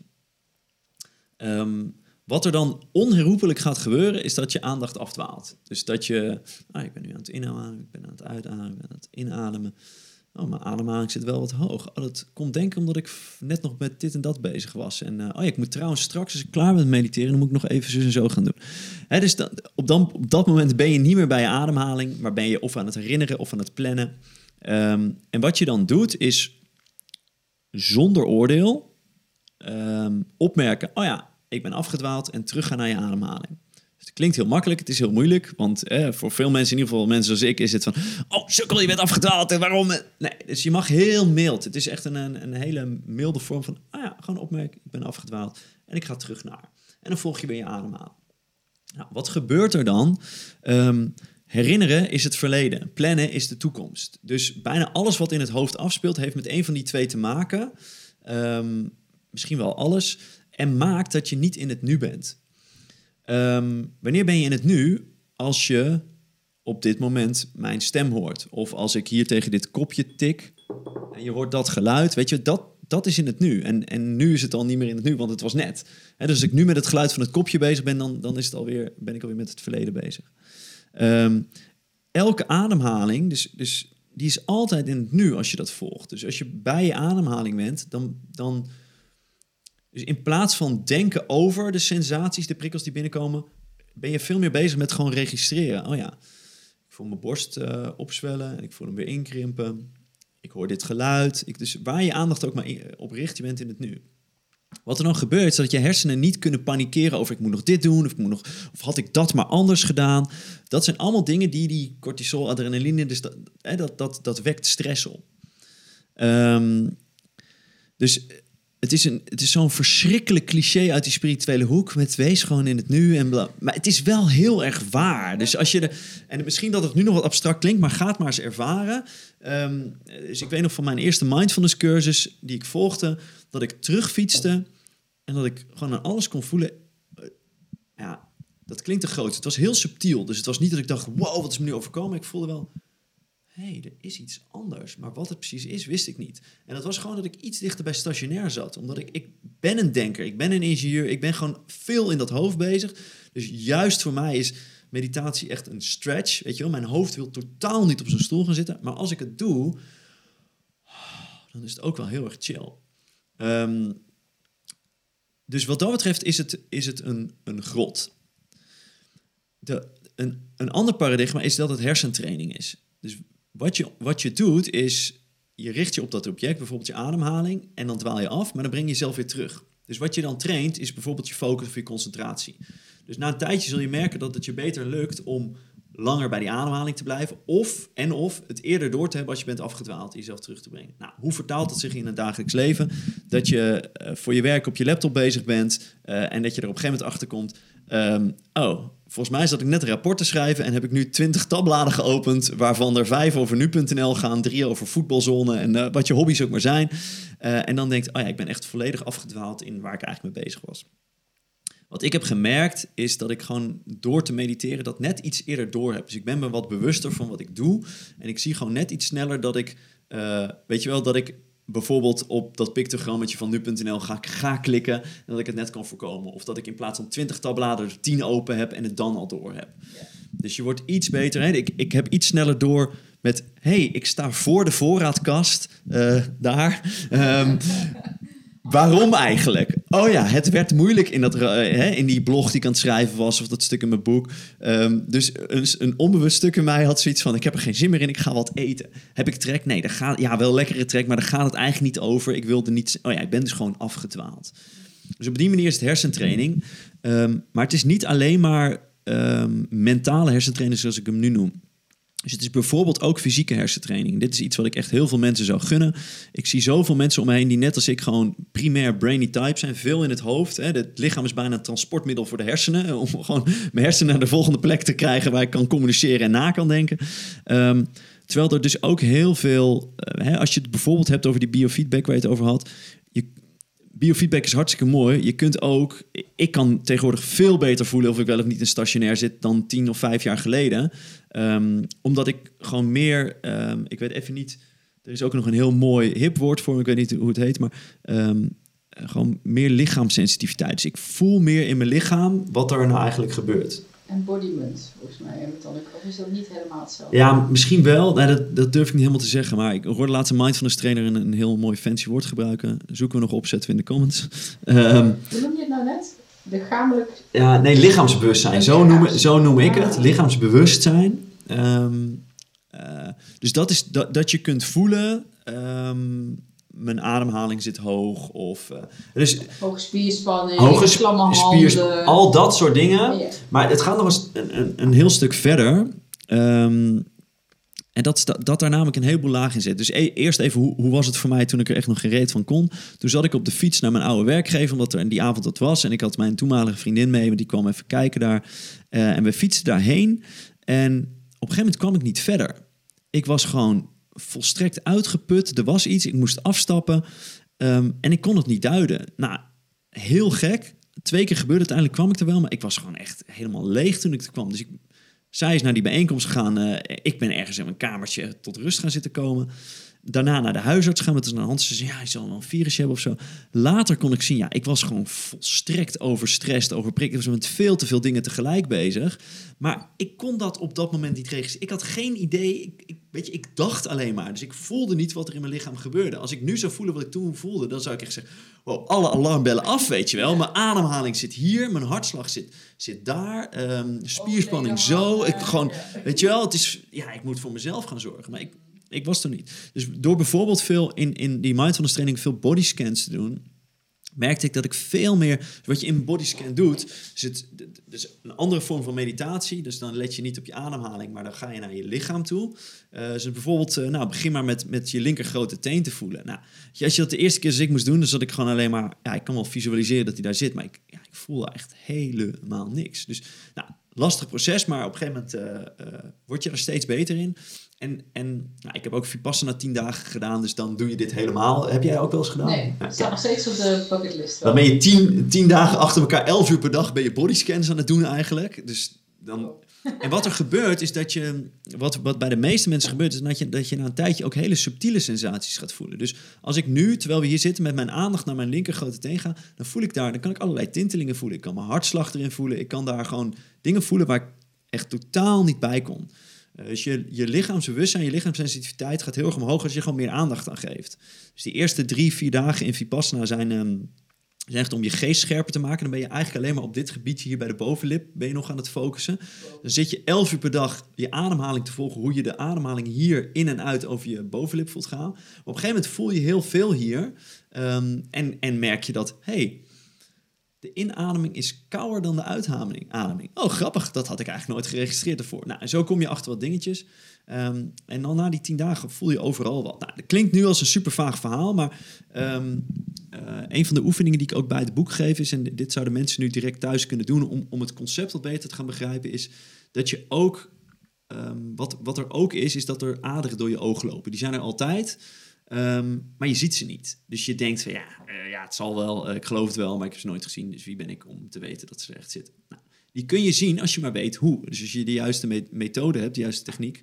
Ehm, dus had je deze oefening al gedaan? Nee, nee, nee. is leuk, probeer het even. Ik zit een beetje van stil. Ja, dus hoe het werkt is als volgt. Je hebt een witte achtergrond nodig. Uh, dus dat kan gewoon prima met de muur. Dus jij kunt waarschijnlijk daar wel iets pakken wat wit is. Ik pak die kant wat wit is. Wat je dan doet, is je sluit één oog. Um, dus voor jou is het handig om de microfoon even weg te leggen. Um, sluit één oog.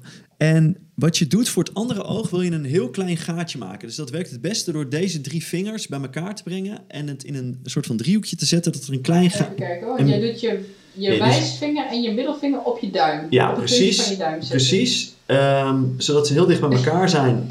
en dat je een klein gaat. Er zijn ook wel mensen, hoe, uh, dus een andere, manier, een andere manier is om het zo te doen. Oh, een oogje dus te maken. Een oogje je te maken met je. Als je maar. Had ja, ik, ik, ik vind deze persoonlijk de chillste. Nou, dus die zet je voor dat andere oog. En wat je dan doet, is dan ga je uh, heel lichtjes rondjes. Dus bij mij werkt het nu al ook. Ik sluit mijn oog gewoon, uh, mijn andere oog met, uh, met mijn ooglid. En dan draai je kleine rondjes voor dat oog. En wat je dan ziet ontstaan is een aderpatroon. Wacht even, wat, mag ik nog wel? Want ik zie wel. Ik zie het is wel oké okay als je er een klein beetje wat omheen ziet. Oh, als, je maar, als je maar vooral daar in het midden door dat ding kijkt. En, en dan maak je hele. Je mag wat sneller bewegen. Oh. Dus kijk eens hoe ik het doe. Dus gewoon een oh. Het mogen hele kleine. Dus je mag de beweging nog kleiner maken. Dus ik doe dit zo een beetje. Hele subtiele kleine bewegingen. Het ziet er een beetje uit als met de biologieles alsof je naar een cel zat te kijken. Precies. zie dan wat je... Dan zie je precies wat ik bedoel. Is, Dus wat je nu ziet... Een microscoop naar een cel zit te Precies. Dus wat je nu ziet zijn gewoon de aderen in je oog. En dus, nou, ik vond dat best wel tof. Dat ik dacht, ja, wat de fuck, hoe kan het nou? Je hebt hele uitleggen op YouTube hoe dat werkt. Uh, weet je wel, uh, fysiologisch en vooral natuurkundig dat je dat normaal niet kan zien en nu wel. maar wat het voor mij aantoont is dat er dus dingen zijn die, oh, weet je... holy shit. Zie, je, je ziet het nog beter nu, hè? Ja, dat, dat is toch cool? Ja. Freaky! Maar dit is er dus dit is er altijd. Net zoals dat er... Dus er is ook altijd gevoel... Die tinteling in je linker grote teen is er ook altijd. Je hebt er alleen geen toegang toe. Omdat je niet weet hoe. Nou, um, door bijvoorbeeld bodyscans te doen, kun je dus veel meer met je lichaam in, in, in aanraking komen. Wat train je dan? Dan train je dus de connectie tussen je hersenen en bepaalde gebieden in je lichaam.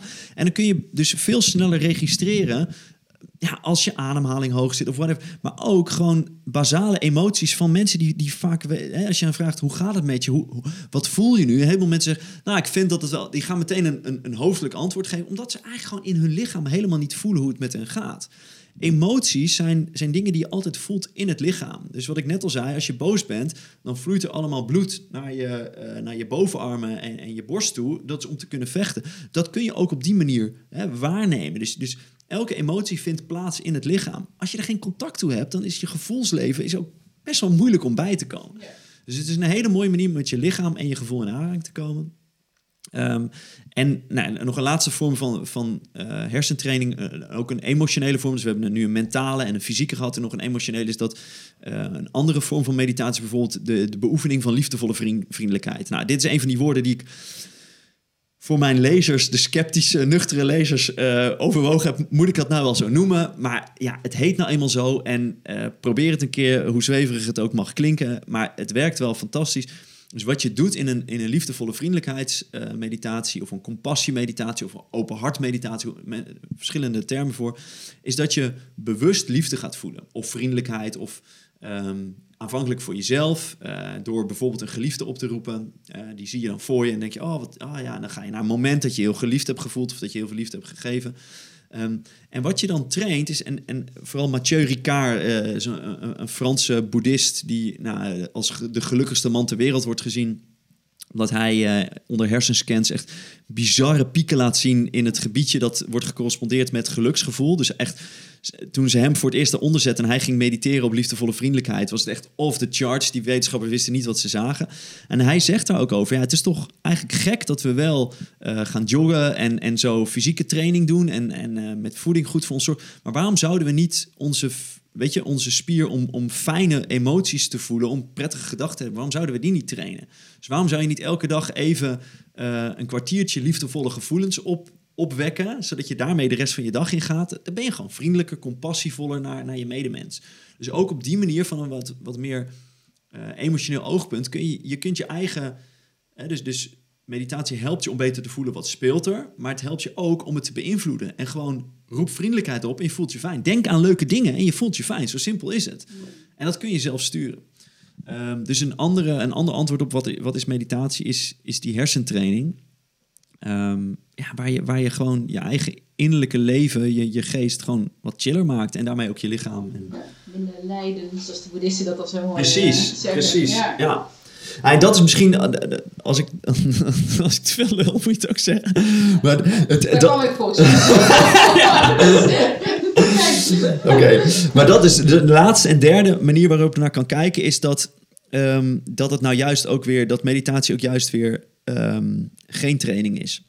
Um, dus het vraagt even om een mindshift, want zodra je gaat, dus dit is Alan Watts, die zegt ook als je gaat mediteren om iets te bereiken, ja, dan heb je dus echt niet begrepen wat het over gaat, want, want meditatie is nou juist dat in het nu zijn. Dus je bent niet in het nu. Dus als ik aan het mediteren ben en denk, oh, dit is heel goed voor me, want dan ben ik straks als ik naar buiten stap liefdevoller, vriendelijker. Dan ben ik dus weer voorwaardelijk bezig met Dan iets in de toekomst. lijf voelen. Precies. ja. Dus het, het, is, het is wat paradoxaal. Het is ook lastig. Maar je, je, je zult altijd met een intentie moeten beginnen. En, en wat mijn mindfulness trainers bijvoorbeeld heel mooi zei. Die vroeg ons toen we met die mindfulness training begonnen. Waarom komen jullie dit doen? Dus wij gaven allemaal redenen. Ze zeiden ze allemaal jongens, prachtige redenen. Ze had allemaal op een flip over opgezet. Ze ze een groot rood kruis er doorheen. Ze zegt, die zijn prima en die mag je volgen. En daar ga je ongetwijfeld uh, dichterbij komen. Maar het gaat je niet lukken als je nu na elke les die je hier bent, of elke keer dat je gemediteerd hebt, gaat checken en ben ik, weet je, ben ik al verder? Heb ik, ben ik al meer in, met mijn lichaam in contact? Heb ik al meer focus? Zeg dus de komende acht, tien weken, acht à tien weken, uh, ben je daar niet meer mee bezig. Je, doet, je gaat gewoon volgen, weet je wel, wat het programma is. En dan na acht weken mag je een keer evalueren wat heeft nou eigenlijk voor me gedaan. Maar dan nog zou ik het nog wat meer tijd geven om er echt de vruchten van te plukken. Um, dus Alan Watts noemt het ook wel, meditation is grooving in the now. Weet je wel, die zegt gewoon, als, als je het goed doet, is het fucking chill. En ik merk dat ik bij vlagen hoor, het lukt ook niet altijd, maar dat ik nu soms wel eens heb dat ik ga zitten voor 20 minuten um, uh, en uh, dat ik na vijf minuten merk, oh, wat relaxed, hé, wat lekker om hier te zitten. En dat ik na 20 minuten gaat het belletje en dat ik nog wat langer blijf zitten. En dat ik, dat ik merk, oh, ik doe het nu echt voor het nu, niet voor iets anders. Ik vind het op dit moment fijn. En, en dat ik ook terugkom en dat ik dan tegen mijn vriendin zeg meditatie echt fucking chill. zit zij een beetje uit te lachen. ik zeg, ja, oké, okay, leuk voor je. Veel plezier ermee. um, maar weet je, en dan denk ik wel van, ah, oké, relax dat ik... Het is voor mij heel voorwaardelijk begonnen, weet je wel. Van groeien, beter worden, hopelijk ooit verlicht worden, whatever. Nou, daar kan mijn hoofd nog steeds heel druk mee bezig zijn. Maar er zijn gelukkig ook momenten waar ik, ja, waarop ik er echt in het nu gewoon, uh, gewoon chill vind. En nou, dat is ook wel uh, hoe ik het in het boek... Dus uiteindelijk is, is meditatie uh, denk ik in ieder geval vanuit de boeddhisten ooit bedoeld om stappen te zetten uh, richting verlichting, richting eh, op het spirituele pad. Uh, dus dan gaat het niet meer om het verbeteren van je lichaam, van je geest of je emotiehuishouding, maar gaat het echt om, om spirituele groei. Um, wat is dat dan? Dat gaat over het, dus dat is, dat, dat heb je voornamelijk als je inzichtmeditatie doet. Dat gaat over doorzien wat er, hè, hoe de menselijke geest nou eigenlijk in elkaar zit. Dus wat je dan doet is dat je um, doorhebt dat je je lichaam voelt, bijvoorbeeld met een bodyscan of door je op je ademhaling te letten, dat vindt allemaal plaats in het lichaam. Dan breng je je aandacht naar emoties. Oh ja, wat voel ik en hoe gaat het eigenlijk met me? Oh ja, ik ben uh, eigenlijk een beetje eenzaam of verdrietig of oh oké. Um, hey, ik kan dat zien met as. Dus hey, ik kan, ik kan voelen dat ik een lichaam heb, maar ja, ik kan dat waarnemen, dus ik ben het niet. Hey, ik kan voelen dat ik die emoties heb, maar ik kan het waarnemen, dus ik ben het niet. En dan hetzelfde met het mentale stuk met gedachten. Oh ja, er gaan allemaal gedachten in mijn geest rond, maar ik kan ze opmerken, dus ik ben mijn gedachten niet. Dat is, dat is een, um, goed om even uit te leggen. Het feit dat je ze kan waarnemen, dat Ja. is even een heel belangrijk bruggetje. Ja, Als je zegt, van, oh, ik heb een lijf, dus ik ben dat. Of ik heb een emotie, dus ik ben dat. Maar wie is dan degene die zich gewaar is, Precies. die registreert, Ja, dus die we, opmerkt van hé, hey, we- ik ben nu aan het huilen. Wie is dat dan? Weet je? Precies, oh, dus dat- ben ik dat dan? dat is wat je in die inzichtmeditatie doet. En, en ehm, dus je kunt daar best wel in het metamoeras verdwijnen. Hè? Ja. Eh, hè, van, oké, dus ik heb een lichaam, maar ik neem waar dat ik een lichaam heb. Dus er is iets dat waar kan nemen dat ik een lichaam heb. Hé, hey, maar ik neem nu waar dat ik waarneem dat ik een lichaam heb. Dus er is iets dat dat weer... Hey, maar dan, nou, weet je, dan bam, bam, bam, bam. Maar wat het, als het goed is, doet, is dat het ook een soort van verstilling of onbegrip... of er gebeurt iets dat je zit... Oh ja, maar dat, nou, kan dat dan in ieder geval... Dan ben ik niet mijn li- lichaam, dan ben ik ook niet mijn emoties... ben ik ook niet... Wat ben ik dan? En, en dat is spirituele beoefening. Dus daar die vraag stellen van... eh, dus ik, ik heb een van de meditaties die ik zelf veel luister, die is heerlijk. Die zegt: ehm, Drop every identification you have. Weet je wel, laat, laat alles vallen. En dan op een gegeven moment zegt hij: Who's the one that is dropping?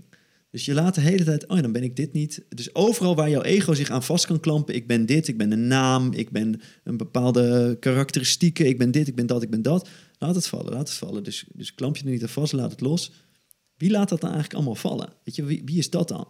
Nou, als je nog nooit gemediteerd hebt, dit hoort, denk je... Waar, zeg, waar de fuck gaat dit over? Maar ga, weet je, ga ermee aan de slag. En dan, ja, dat kan wel, dat kan hele mooie inzichten geven. En dat, dat, dat gaat je dus inzicht geven in wat het ego nou is, hoe het werkt, eh, hoe het je tegenwerkt. En, en ook wat er is als je dat een beetje los. Ik ga helemaal niet zeggen dat ik helemaal mijn ego heb doorzien. Verre van, volgens mij een van de minder goede meditators eh, ehm, met een heel druk hoofd. Maar die kleine glimpjes die ik soms opvang, ik denk, oh, het is nu wel even, eh, of ja, dat ik niet denk, maar dat ik waarneem dat het gewoon even heel stil is. Dat het heel rustig is, omdat ik niet geïdentificeerd ben met al die dingen. Dat is gewoon wel heel chill soms. Nou, grooving in the now. Ellen was wel een held. Ja, ja.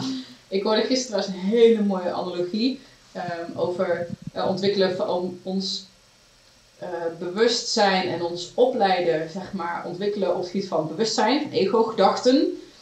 Ehm, dat zijn we nu aan het doen.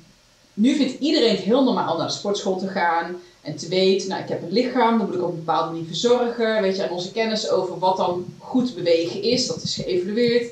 We weten nu dat we kracht trainen, weet je, we, al die systemen zijn we aan het doorzien. En nu kunnen we heel gericht, als iemand iets wil bereiken, zeggen, nou, jij moet in de sportschool dit gaan doen. Of we weten ook allemaal dat we een half uur per dag moeten bewegen.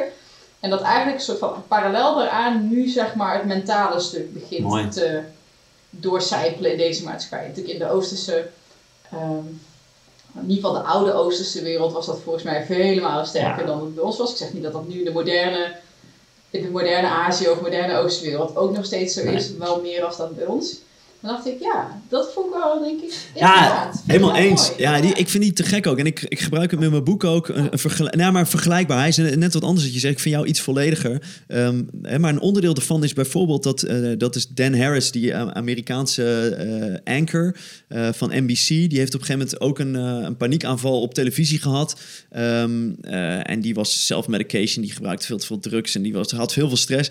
Werkte allemaal niet. Uiteindelijk vond hij meditatie. Dat hielp hem. En hij, hij heeft toen overwogen om zijn boek ehm, There's an asshole in my head of The voice in my head is an asshole of zo te noemen. Dacht ja, dat zal niet verkopen. Uiteindelijk heeft hij zijn boek 10% Happier genoemd. Oh, die, En- oh, en- dat is ook een podcast. Hij heeft een podcast, hij heeft een app. eh, dus hij heeft heel, veel- heel veel mooie dingen gedaan. Hij, dus hij is ook wel een voorbeeld voor mij geweest van... hey, zo kan het ook. Dus hij zit gewoon in pak met een stropdas aan, zit iets te vertellen. Meditatie is best wel chill, ik zou het doen. Het is, ja, hij zegt ook, weet je, eh, het is niet eh, een heilig middel of zo. Het gaat niet alles oplossen, maar je wordt er wel 10% gelukkiger van. Het is ook gewoon een hele mooie... Met, met sporten, weet je. Je hebt de sportschoolbinkies, dat ik ook ernaar kijk en denk, ja, maar dat zal ik nooit worden. Ja. Weet je wel? Ja. Maar ik kan ook gewoon, oh, ik hoef niet helemaal uitgezakt en, eh, en, en geblesseerd en stijf en stram te zijn. Ik kan ook gewoon even Ja, snel bewegen. precies. En, gewoon lekker En, en wat hij op een gegeven moment als, als ehm, vergelijking maakt, hij zegt ehm 30, 40, 50 jaar geleden was het dus echt heel gek om te zeggen: ik ga even een, rondje joggen, ik ga even hardlopen. Dan zeiden mensen: wat voor wie moet je wegrennen dan? Wat is er aan de hand? Dat, weet je, we kwamen uit de, industriële revolutie en, en, en daar, daar deden we gewoon nog veel fysieke arbeid. En we gingen langzaam naar kenniswerk op kantoren zitten. Dus er kwamen mensen achter: ik word gewoon doodongelukkig de hele dag stil. Ik ga even een rondje rennen. Maar dat was toen nog heel gek. Nou, hij, hij zegt, ik voorspel dat we nu op datzelfde punt zitten met meditatie. Als je nu zegt, ik mediteer, dan word je raar aangekeken. Net zoals als je zegt, ik schrijf een boek of meditatie, nog raar aangekeken. Ehm, maar, maar hij zegt, het zou best kunnen dat dat gaat veranderen. En ik geloof daar ook wel in dat precies op, met deze analogie, weet je wel. Nu is het normaal om te gaan joggen naar de sportschool. Dat je dus daar ook advies op kan krijgen. Dan moet je misschien dit aanpakken. Ja, ik, ik hoop zelfs... sporten, Precies, dit past beter bij jou. Dat je straks gewoon een scan krijgt met je zou het beste. eh, je, voor jou past yoga beter dan meditatie, maar meditatie zou ik wel aanvullend doen. En dan het meest inzicht meditatie, bodyscan heb je niet zoveel, want dat zit al wel in de yoga. Weet je, dat je zo'n soort advies krijgt. Ja, dat is toch vet dat je gewoon ook die, die grijze massa wat beter gaat leren, eh, leren verzorgen eigenlijk. Ja. Prachtig, we zullen zien hoe zich dat verhoudt met eh, over 20 jaar social media, maar tegelijkertijd ook. Ja, ja. je weet niet hoe snel het gaat, maar eh, Ray Kurzweil zegt dat de singularity er dan misschien al is. En misschien heeft AI het al overgenomen. En ik bedoel, eh, ehm, geen idee. Het is volstrekt onvoorspelbaar hoe technologisch de wereld er dan Oké, uitziet. laatste Netflix tip. Ah, nee, dat mag niet meer. dat mag Deze AI, ik ga er nog een beetje ruimte aan toevoegen. Vind je Ja, goed? ja, doe maar dan. Oh man, dit... Night Flyers. Night Flyer. Oké. Ja, ik Even, niet even- zeggen. Oké. nee, nee. Nee, doe even een premise, want anders dan weet ik dat ik dit niet ga onthouden en dat ik niks zeg. Night Flyer is eh, een, schip wat zeg maar weggaat om contact te maken met een ander voertuig wat ze zien. En dat, maar dat, eh, waarom kwam ik daarop? Ik, ik wil het niet te veel weggeven. Ah, ik weet niet eens hoe ik dit uit moet leggen, joh. Omdat daar ook... Nou, een, een van de leuke dingetjes die daarin zitten, is een mevrouw die heeft een Neuralink met het Neuralink. Dus die kan zich inpluggen in dat schip. En die Ja. kan dus dat schip besturen met haar, haar zenuwstelsel, zeg maar. Dus, Oh, eh, wauw. En eh, op een gegeven moment in, het, het lijkt een beetje Star Trek-achtig verhaal, maar dat is het niet. Dat dacht ik nu ook van, het zit een soort van Star Trek, dat is het niet. Ehm, een alien life form kan ook iets anders zijn dan een pakketje DNA zoals wat wij nu zijn. Ja. Dat kan geluid zijn, dat kan een virus zijn, dat kan zich helemaal vermengen met ons bewustzijn ook. Dus ik denk dat ik er daarom ook op kwam. Zo de, de integratie tussen machine en bewustzijn en intelligentie en op welk vlak ehm, toont zich dat aan ons? Toont zich dat in de lucht? Toont zich dat in materie? Toont zich dat in ons hoofd? Mooi. Toont zich dat in ons lijf? Nou, dat in een soort van Oh, fucking gekke mix. Heerlijk. Maar ik snap ook niet waarom dat nu zo populair is. Of dat Netflix mij dat voert, dat denk je dan eigenlijk. Ja. Het zijn allemaal, al die series gaan allemaal over al die verschillende dimensies. Weet je, tijd, ruimte, materie.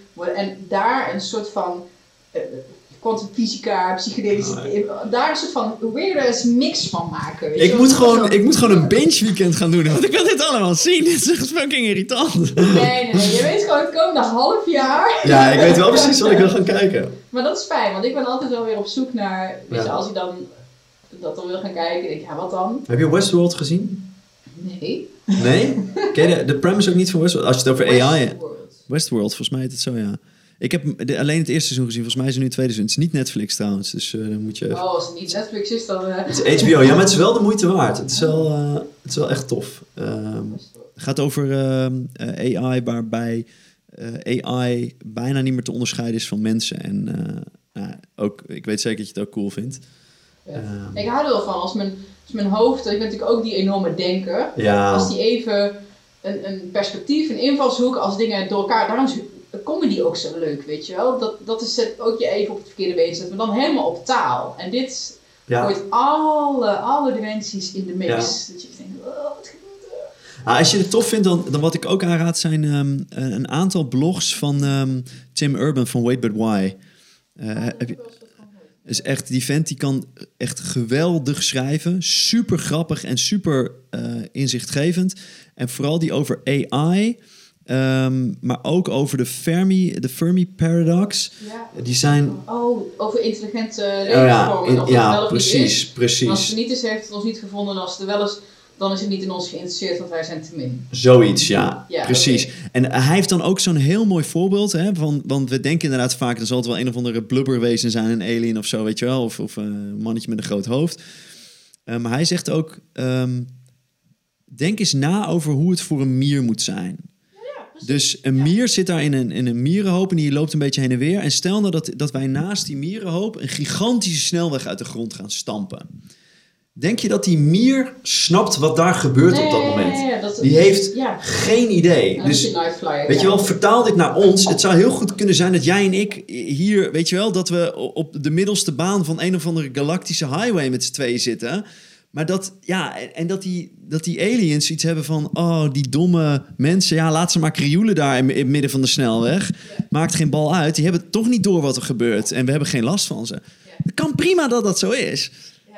Dat, soort, dat soort dingen vind ik echt zo, oh, cool. Ja, Eh, dus ook dat, je, dat het heelal oneindig naar buiten uitdijt. En wat nou als het oneindig naar binnen in, on, weet je, dat, dat, of, dat zegt Corey Allen dan ook, dat heeft hij een tijdje, is dat zijn pet peeve, van ja, die alien invasion die is er al lang. oh ja. Weet je, die bacteriën, die, weet je wel, de virussen, bacteriën, wij zijn al lang overgenomen. Grappig, ja. Ja, we zijn, we zijn Alleen symbiotische denken dat wezens. daar een heel groot schip komt met Ja. wezens die net zo groot zijn dan ons, maar misschien zijn Ja. ze oneindig veel kleiner. Dat we ze Ja. niet kunnen zien. Misschien zijn het wel gewoon de bacteriën. En aangezien mijn lijf meer uit bacteriën bestaat dan uit mens, dat, dat, er zijn tien keer zoveel eh, meer bacteriecellen, moleculen in mijn lijf dan menselijke cellen. Wow. Ja, dat is, dat is echt bizar. Ik, ik, dit is gewoon een vessel voor, misschien is dit wel gewoon een spaceship voor, bacteriën. Ja. voor bacteriën. Ja. Ja, en dan denken wij dat die bacteriën dom zijn, weet je wel. En dat wij, maar dit is, dus dit is zo mooi, want hier komt spirituele ontwikkeling samen met al die AI-shit. Ehm, omdat, weet je, dit, dit is wa- wat je op een gegeven moment ook kunt zien, is dat, dus het, het ego, het is gewoon een samenraapsel van, van patronen in de hersenen die je de hele tijd het gevoel geven dat je een ik bent. Ja. Terwijl, ehm, dus ik ben ook groot fan van Sam Harris, die, en, die haalt ook hele mooie onderzoeken aan in zijn, zijn boek Waking Up.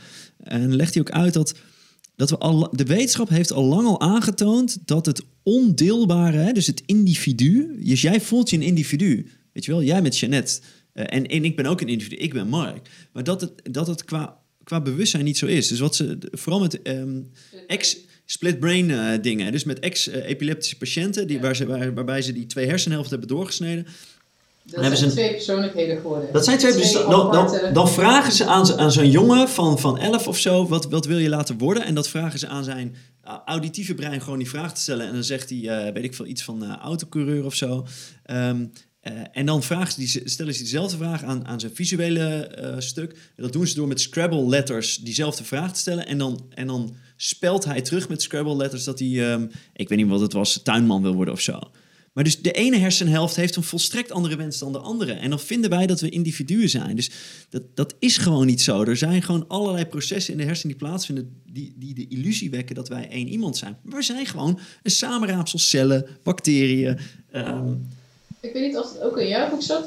Nee, waarschijnlijk heb ik het in Osho ook eh, gelezen. Als je vraagt wat is een auto, en dat hij dan steeds een- iets van die auto afhaalt. Ja. Weet je wel? Zit het hierin? Zit het in de, in de zijspiegel? Nee, dat is niet de auto. Nou, dan leggen we dat apart. En dat hij dus zo ehm, onderdeel voor onderdeel die auto aan het, aan het eh, assemblen is. Of, Ja, eh, of disassemblen, disassemblen is. Zo van, ja, zit het dan in het stuur? Nee, het is, dat is niet de auto. Zit dan in het gaspedaal? Dat is ook niet de auto. Zit in de wielen? Dat is ook niet de auto. Dus op een gegeven moment haal je niks over. Ja, wat is dan de auto? ja, Ja, shit. maar en dat is eigenlijk met, met, met Nou, ook. maar dit is precies. Dus in mijn boek, ik maakte het schip van Theeshuis. Die, die filosofische eh, overweging, die haalde ik aan. Dat, dat, dus dit, dit deden de oude Grieken al hierover nadenken. Die zeiden dan: eh, er is een schip van Theeshuis. En, en elke zoveel tijd is er een plankje kapot en dat moet vervangen worden. Oh, ik, dat Dus ja, dus, dus, ehm, maar stel nou dat na een verloop van tijd alle, weet je, alle onderdelen van die boot vervangen zijn. Is het dan nog wel het schip van Theseus? Want er zit, er zit niks meer in dat het schip van Theseus was. Nou, daar heeft een 19e of 20e eeuwse, 20e, eh, 20e eeuwse eh, filosoof wat aan toegevoegd. En die zei van ja, zelfde eh, verhaal, maar nu is elk plankje dat je eraf haalt, hè, waar een gaatje in zit of iets mee is, daar maak je een nieuwe boot van. Dus op een gegeven moment is die ene boot is helemaal, dat heet nog steeds schip van Theseus, want dat is langzaam vervangen, maar al het oude materiaal heb je een andere boot van in precies dezelfde vorm gekleurd. Welke van de twee is nou het schip van Theseus? Ja, dan zie je wel in van, ah, eh, ik weet het niet meer. Teleporteren. Stel dat je mensen zou kunnen teleporteren. Maar dat, hè, dus dat er ook een molecuul voor, voor molecuul ergens anders wordt opgebouwd weer. Ja, Of op een andere planeet wordt gezet. Maar jij blijft hier ook achter. Wie is Ja. dan Jeanette? Is dat dan die, die nieuwe, hè, dat, Precies. van Theseus? Is dat dan het nieuwe of het oude?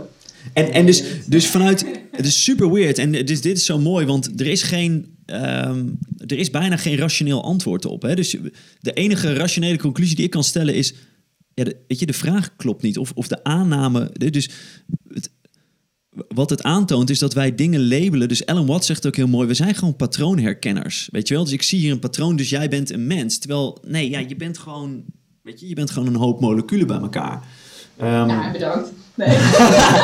en bacteriën. Ja, bacteriën, oké, vooral de bacteriën. Maar dus, um, de Richard Dawkins die, die legt ook heel mooi uit dat er vragen zijn die grammaticaal correct zijn, maar die, die eigenlijk ja, die niet echt um, vragen die recht hebben om gesteld te mogen worden zijn. En dan zegt hij bijvoorbeeld de vraag: Why is a unicorn hollow? Hè, waarom is een eenhoorn hol? Um, hij zegt, ja, dat is een grammaticaal perfect correcte zin, weet je. Dat lijkt een logische zin, maar er zit van alles in wat er niet aan klopt. Want je gaat er eerst vanuit dat eenhoorns bestaan. Dan ga je er, neem je de aanname dat die hol zijn. Ik weet niet waar die vandaan komt. Uh, en ten derde, ja, waarom zou er een, een waarom zijn? Het, Misschien is dat gewoon zo. Nou, dat doen wij dus ook. Van wie is dan, wat is dan het schip van Theseus? Nee, ja, dat is geen terechte vraag. We hebben, wij hebben zelf bedacht dat iets het schip van Theseus heet. Wie is Mark precies? Ja, dat is geen terechte vraag. Mark bestaat niet. Ja, wat is dan is, een auto? Ja, wat is een auto bestaat ook niet. Weet je? En Alan Watts zegt, die geeft ook heel mooi het voorbeeld van dus hoe arbitrair patroonduiding is en, en de namen die eraan geven. Dan zegt hij uh, een nek. Wij vinden een nek dus een, een losstaand, hè, een, op zich staand iets in het lichaam. Um, ja, en hoe zit het dan? En dan heb je, uh, we zouden dan zeggen dat dit de nek is, dat hele ding de hals en dit de keel of zo. Maar, maar dit heeft bijvoorbeeld, de zijkant heeft geen naam. Hoe, heet dat dan? Ja, dat noemen we dan de zijkant van de nek of zo. Um, uh, en het staat los van het hoofd. Het had ook een onderdeel van het hoofd. We hadden ook kunnen zeggen, dit hele stuk vanaf hier tot daar is het hoofd. En een onderdeel daarvan is de hals. Dus het is heel arbitrair um, hoe we dat hebben gedaan. En hij zegt ook sterrenstelsels, hetzelfde. Nee, het is gewoon, er zijn allemaal sterren daar. En wij zeggen, dit is dat, dat is dat ster sterrenbeeld. Nee, dat, dat, dat hebben we maar bedacht. En, en dus die analogie naar, naar de mens. Nee, we hebben in ons hoofd ook ergens bedacht dat ik een ik ben. En, dat is het dan. Terwijl ik ben misschien gewoon een ruimteschip voor bacteriën. Met grootheidswaan, weet je wel? Dat, ja. Oh. Terwijl je wordt neergekeken door andere hyperintelligente wezens. Die een totaal andere timescale leven dan dat wij doen. Ja, best wel relativerend dit, of niet? Nee, maar ja, absoluut. Toch? Ik bedoel, ja. Wat maakt het dan allemaal uit waar we ons druk om maken? Ja, maar dat. En dat uitzoomen, zeg maar. Het is natuurlijk wel leuk om hier even een beetje op te geeken. Maar feitelijk wat je doet is gewoon uitzoomen. En dan zie je, ja, wat zijn we? We zijn gewoon een zakje DNA wat zich wil ja. voorplanten. En wat al een hele hoop regeltjes en dingetjes heeft bedacht. Allemaal. Uh, en, dat, en dat patronen. Die, weet je, als je, als je uitzoomt, denk je, ja... Je wordt er niet uh, apathisch of zo van, maar eigenlijk gewoon heel relaxed. Van, ja. Joh, wat maakt het eigenlijk ook allemaal uit? Ja. Als ik maar gewoon geen kwaad doe, niet leid, uh, goed doe, het naar mijn zin heb. Ja. En al die regels van de maatschappij, ja, ik, stiekem ben ik volgens mij gewoon toch wel een beetje hippie. ja. ik, ja. Voel, ik ga denk ik ook van die toch wel een mooie uh, bloemen in mijn haar doen of zo, een jurkje aan. Ja, ah, maar dit is nog wel...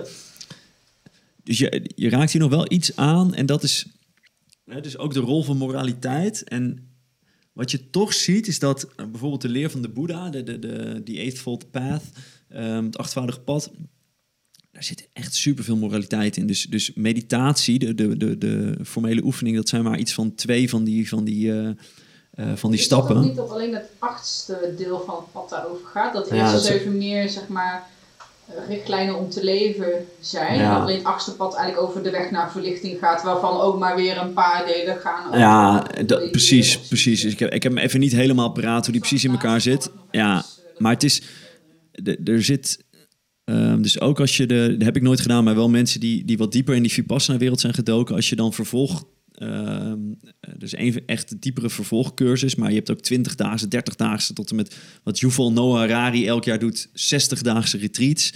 Um, kun je volgen. En dan, dan gaat hij dus steeds dieper op de theorie. Op een gegeven moment gaat het helemaal niet meer over die techniek. Het gaat alleen maar over moraliteit, moraliteit, moraliteit. Dus hoe moet je nou leven um, om een zuivere geest te creëren? Want dat gaat uiteindelijk leiden tot inzicht en tot et cetera. Dus ik weet met, met, weet je, met dat hippie-stuk, dus de, Boeddha heeft in ieder geval nooit gezegd... doe maar gewoon lekker waar je zin in hebt. Het is allemaal oké. En maak je los van de maatschappij. Die, die heeft juist gezegd van, weet je... eh, je zult niet stelen, je zult niet liegen, je zult niet moorden, al die dingen. En, niet omdat het voor mij niet mag, maar ja, dat is de manier om, om, om van je eigen lijden los te komen. Ehm, gaat het in mijn boek niet zo over. Ik weet nog niet helemaal wat ik daarmee wil. Ik denk dat het ergens ook wel heel belangrijk is. Ehm, en, ehm, ethiek, ja, filosofie is natuurlijk ook wel een heel groot deel. Want uite- uiteindelijk kom je ook in de filosofiehoek terug. Weet je die, zijn Ja, ja, absoluut. waarom. En dat is een heel groot deel. eh, ja. ethiek. ja, en alle gesprekken die wij net volgen, het super filosofische overwegingen allemaal. eh. ja. Weet je, Mark, jij zei straks eh, dat je naar huis fietste, weet je, na zo'n mindfulness training. Ik merk steeds vaker dat na, na een leuke podcastopname, eh, ik- heb- merk ik ook zo'n subtiele shift Hmm. in mij. En volgens mij is het omdat dit mij echt helemaal in flow Ja. en in het hier en nu brengt. En Ja. daar merk ik superveel positieve eh, veranderingen van. Ja. Bij Mirjam Spitholt was dat echt extreem. Dat, en dit is ook zo'n- zo'nzelfde soort gesprek voor mij. Denk, wat is dat toch? Maar volgens mij is dat dat je dan heel even in het, echt in het hier en nu Ja. bent geweest. En even los hebt gelaten verleden, eh, toekomst. Ja. En dat neem je mee. ja, dat is heerlijk. En je, en je en dat is kunt... zo te gek dat, je dat, dat iedereen dat gewoon kan met Ja, wandelend mediteren of zitten mediteren. Er zijn zoveel Ja. verschillende opties. Ja.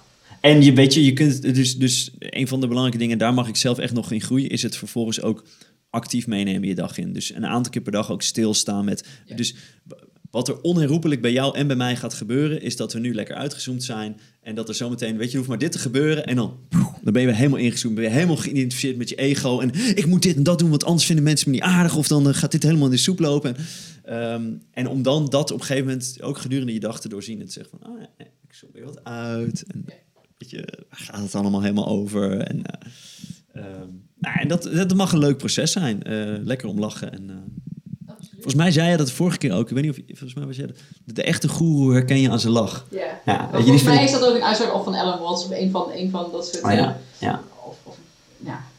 Denk ik, ja, dat klopt. Weet Ja. je wel? Die hoor je van heinde verre aankomen dat hij een bolder Ja. de lach geeft. Ik zie het wel, maar ook zo van, als je, als je het echt, echt, die illusie waar het dan over hebben, als je die echt zou doorzien, kan je niet anders dan niet uitlachen, maar gewoon vrolijk zijn. Ja.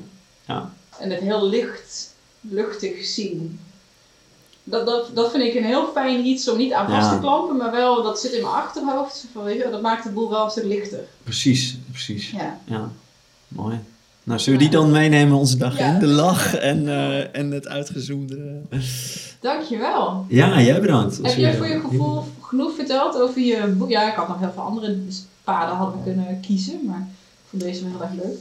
Ja, ik denk het wel. Eh, er schiet hem nu even niet. eh, Wat misschien nog wel leuk om te. Hè, dus voor mensen die overwegen om het te kopen of eh, zich er anders, anderszins in te verdiepen. Ehm, ik. dus er is een online. er is een integratie met online. Dus ik, heb, ik geef een heleboel oefeningen. Ik denk dat twee derde van die oefeningen zijn gewoon dingen die je eh, op papier kan uitwerken of even over na kan denken. Ehm, maar een derde zijn video's en audio's die ik online heb staan. Eh dat hoort gewoon gratis bij het boek, dus dat kun je gewoon doen. Ja, en echt veel ook trouwens. Ja, het is heel veel. Dus, Er zijn eh, heel veel oefeningen in. ja, dus, dus volgens mij zit er, er zit een oefeningenlijst. Hoeveel zijn het? 56. 56 oefeningen. ja. En dus daar een, een stuk of 20 daarvan zijn video's. Dus bijvoorbeeld dat met, eh, met, met, met die, eh, eh, dat soort grappige dingetjes van met, met die ader in je, in je ogen zien. Ehm, maar natuurlijk ook een heleboel meditaties. Dus waardoor je gewoon hè, vanaf vijf minuten even inchecken bij je gevoel. Tot en met, volgens mij geef ik een, uiteindelijk een, een drie kwartier of misschien zelfs een meditatie van een uur of zo. Ehm, waardoor je gewoon echt even kan ervaren wat, wat gebeurt er nou als ik wat langer stil zit. Ehm, eh, wat verschillende aspecten van meditatie langsloop. Dus ik heb echt wel geprobeerd om er ook echt een, een, een volledige introductie voor mensen van te maken. Dat ze het gewoon eens kunnen, kunnen beoefenen. Ja, dus dat is misschien nog wel leuk om te weten. En waar eh, vinden ze jou? Eh, ze vinden mij, ehm, mijn boek vinden ze op www.helemaal-naar-de-meditering.nl en dan worden ze ook doorgelinkt. Eh, dat is een onderdeel van mijn eigen website, dus daar kunnen ze wat meer lezen over wie ik ben en wat ik doe. Boek is gewoon te koop op bol.com, ja, in allerlei boekhandels. Ehm, ik wil in de ACO komen te liggen, ehm, want dat is gewoon... Dus wat er nu nog, wat er misgaat is een groot woord, maar ik was hier in, in Utrecht bij de Broesen. Even kijken, ligt mijn boek er, ik liep er toch langs, altijd leuk. Uh, ligt hij in het spirituele schap. En dat vind ik net jammer, omdat ik nou juist, weet je, de mensen die er naar op zoek zijn... Uh, ja, weet je, die, die lezen, die, die in het spirituele schap kijken, die, die kopen andere boeken. Ik wil juist ergens vooraan liggen dat ik de persoon die ja, misschien niet direct helemaal voor open staat, met deze titel denkt, nou, over dat onderwerp wil ik eigenlijk ook wel een keer wat lezen. Dus um, ik hoop eigenlijk bij, uh, uh, op, in, in ACO's en Bruna's op stations komen te liggen. Uh, dus als je nou denkt van ja, het is eigenlijk best een goed idee dat we over 20, 30 jaar allemaal uh, beter voor onze grijze massa zorgen, een beetje mediteren, wat, uh, wat aardiger voor elkaar zijn. Vraag even in de ACO of ze mijn boek hebben en bestel hem desnoods daar, weet je, dat hij daar geleverd wordt en je hem de volgende dag erop haalt. Want dan zien zij op een gegeven moment ook wel van, oh, misschien moeten we dat boek eens inkopen. En dan komt hij hopelijk ergens te liggen dat, ja, dat meer mensen hem zien. Dat, dat zou nog wel een mooi streven zijn. Ik vind het een mooie, mooie oproep ja. Iedereen, iedereen die luistert, die straks langs het station uh, de Aken loopt, allemaal even. Precies, laten we dat doen. En dat hij dan daar uh, komt te liggen en dat veel meer mensen hem zien. Um, en nogmaals, dus helemaal naar de meditering.nl, daar is ook nog van alles te lezen. Dus. Cool. Dankjewel. Jij bedankt, leuk.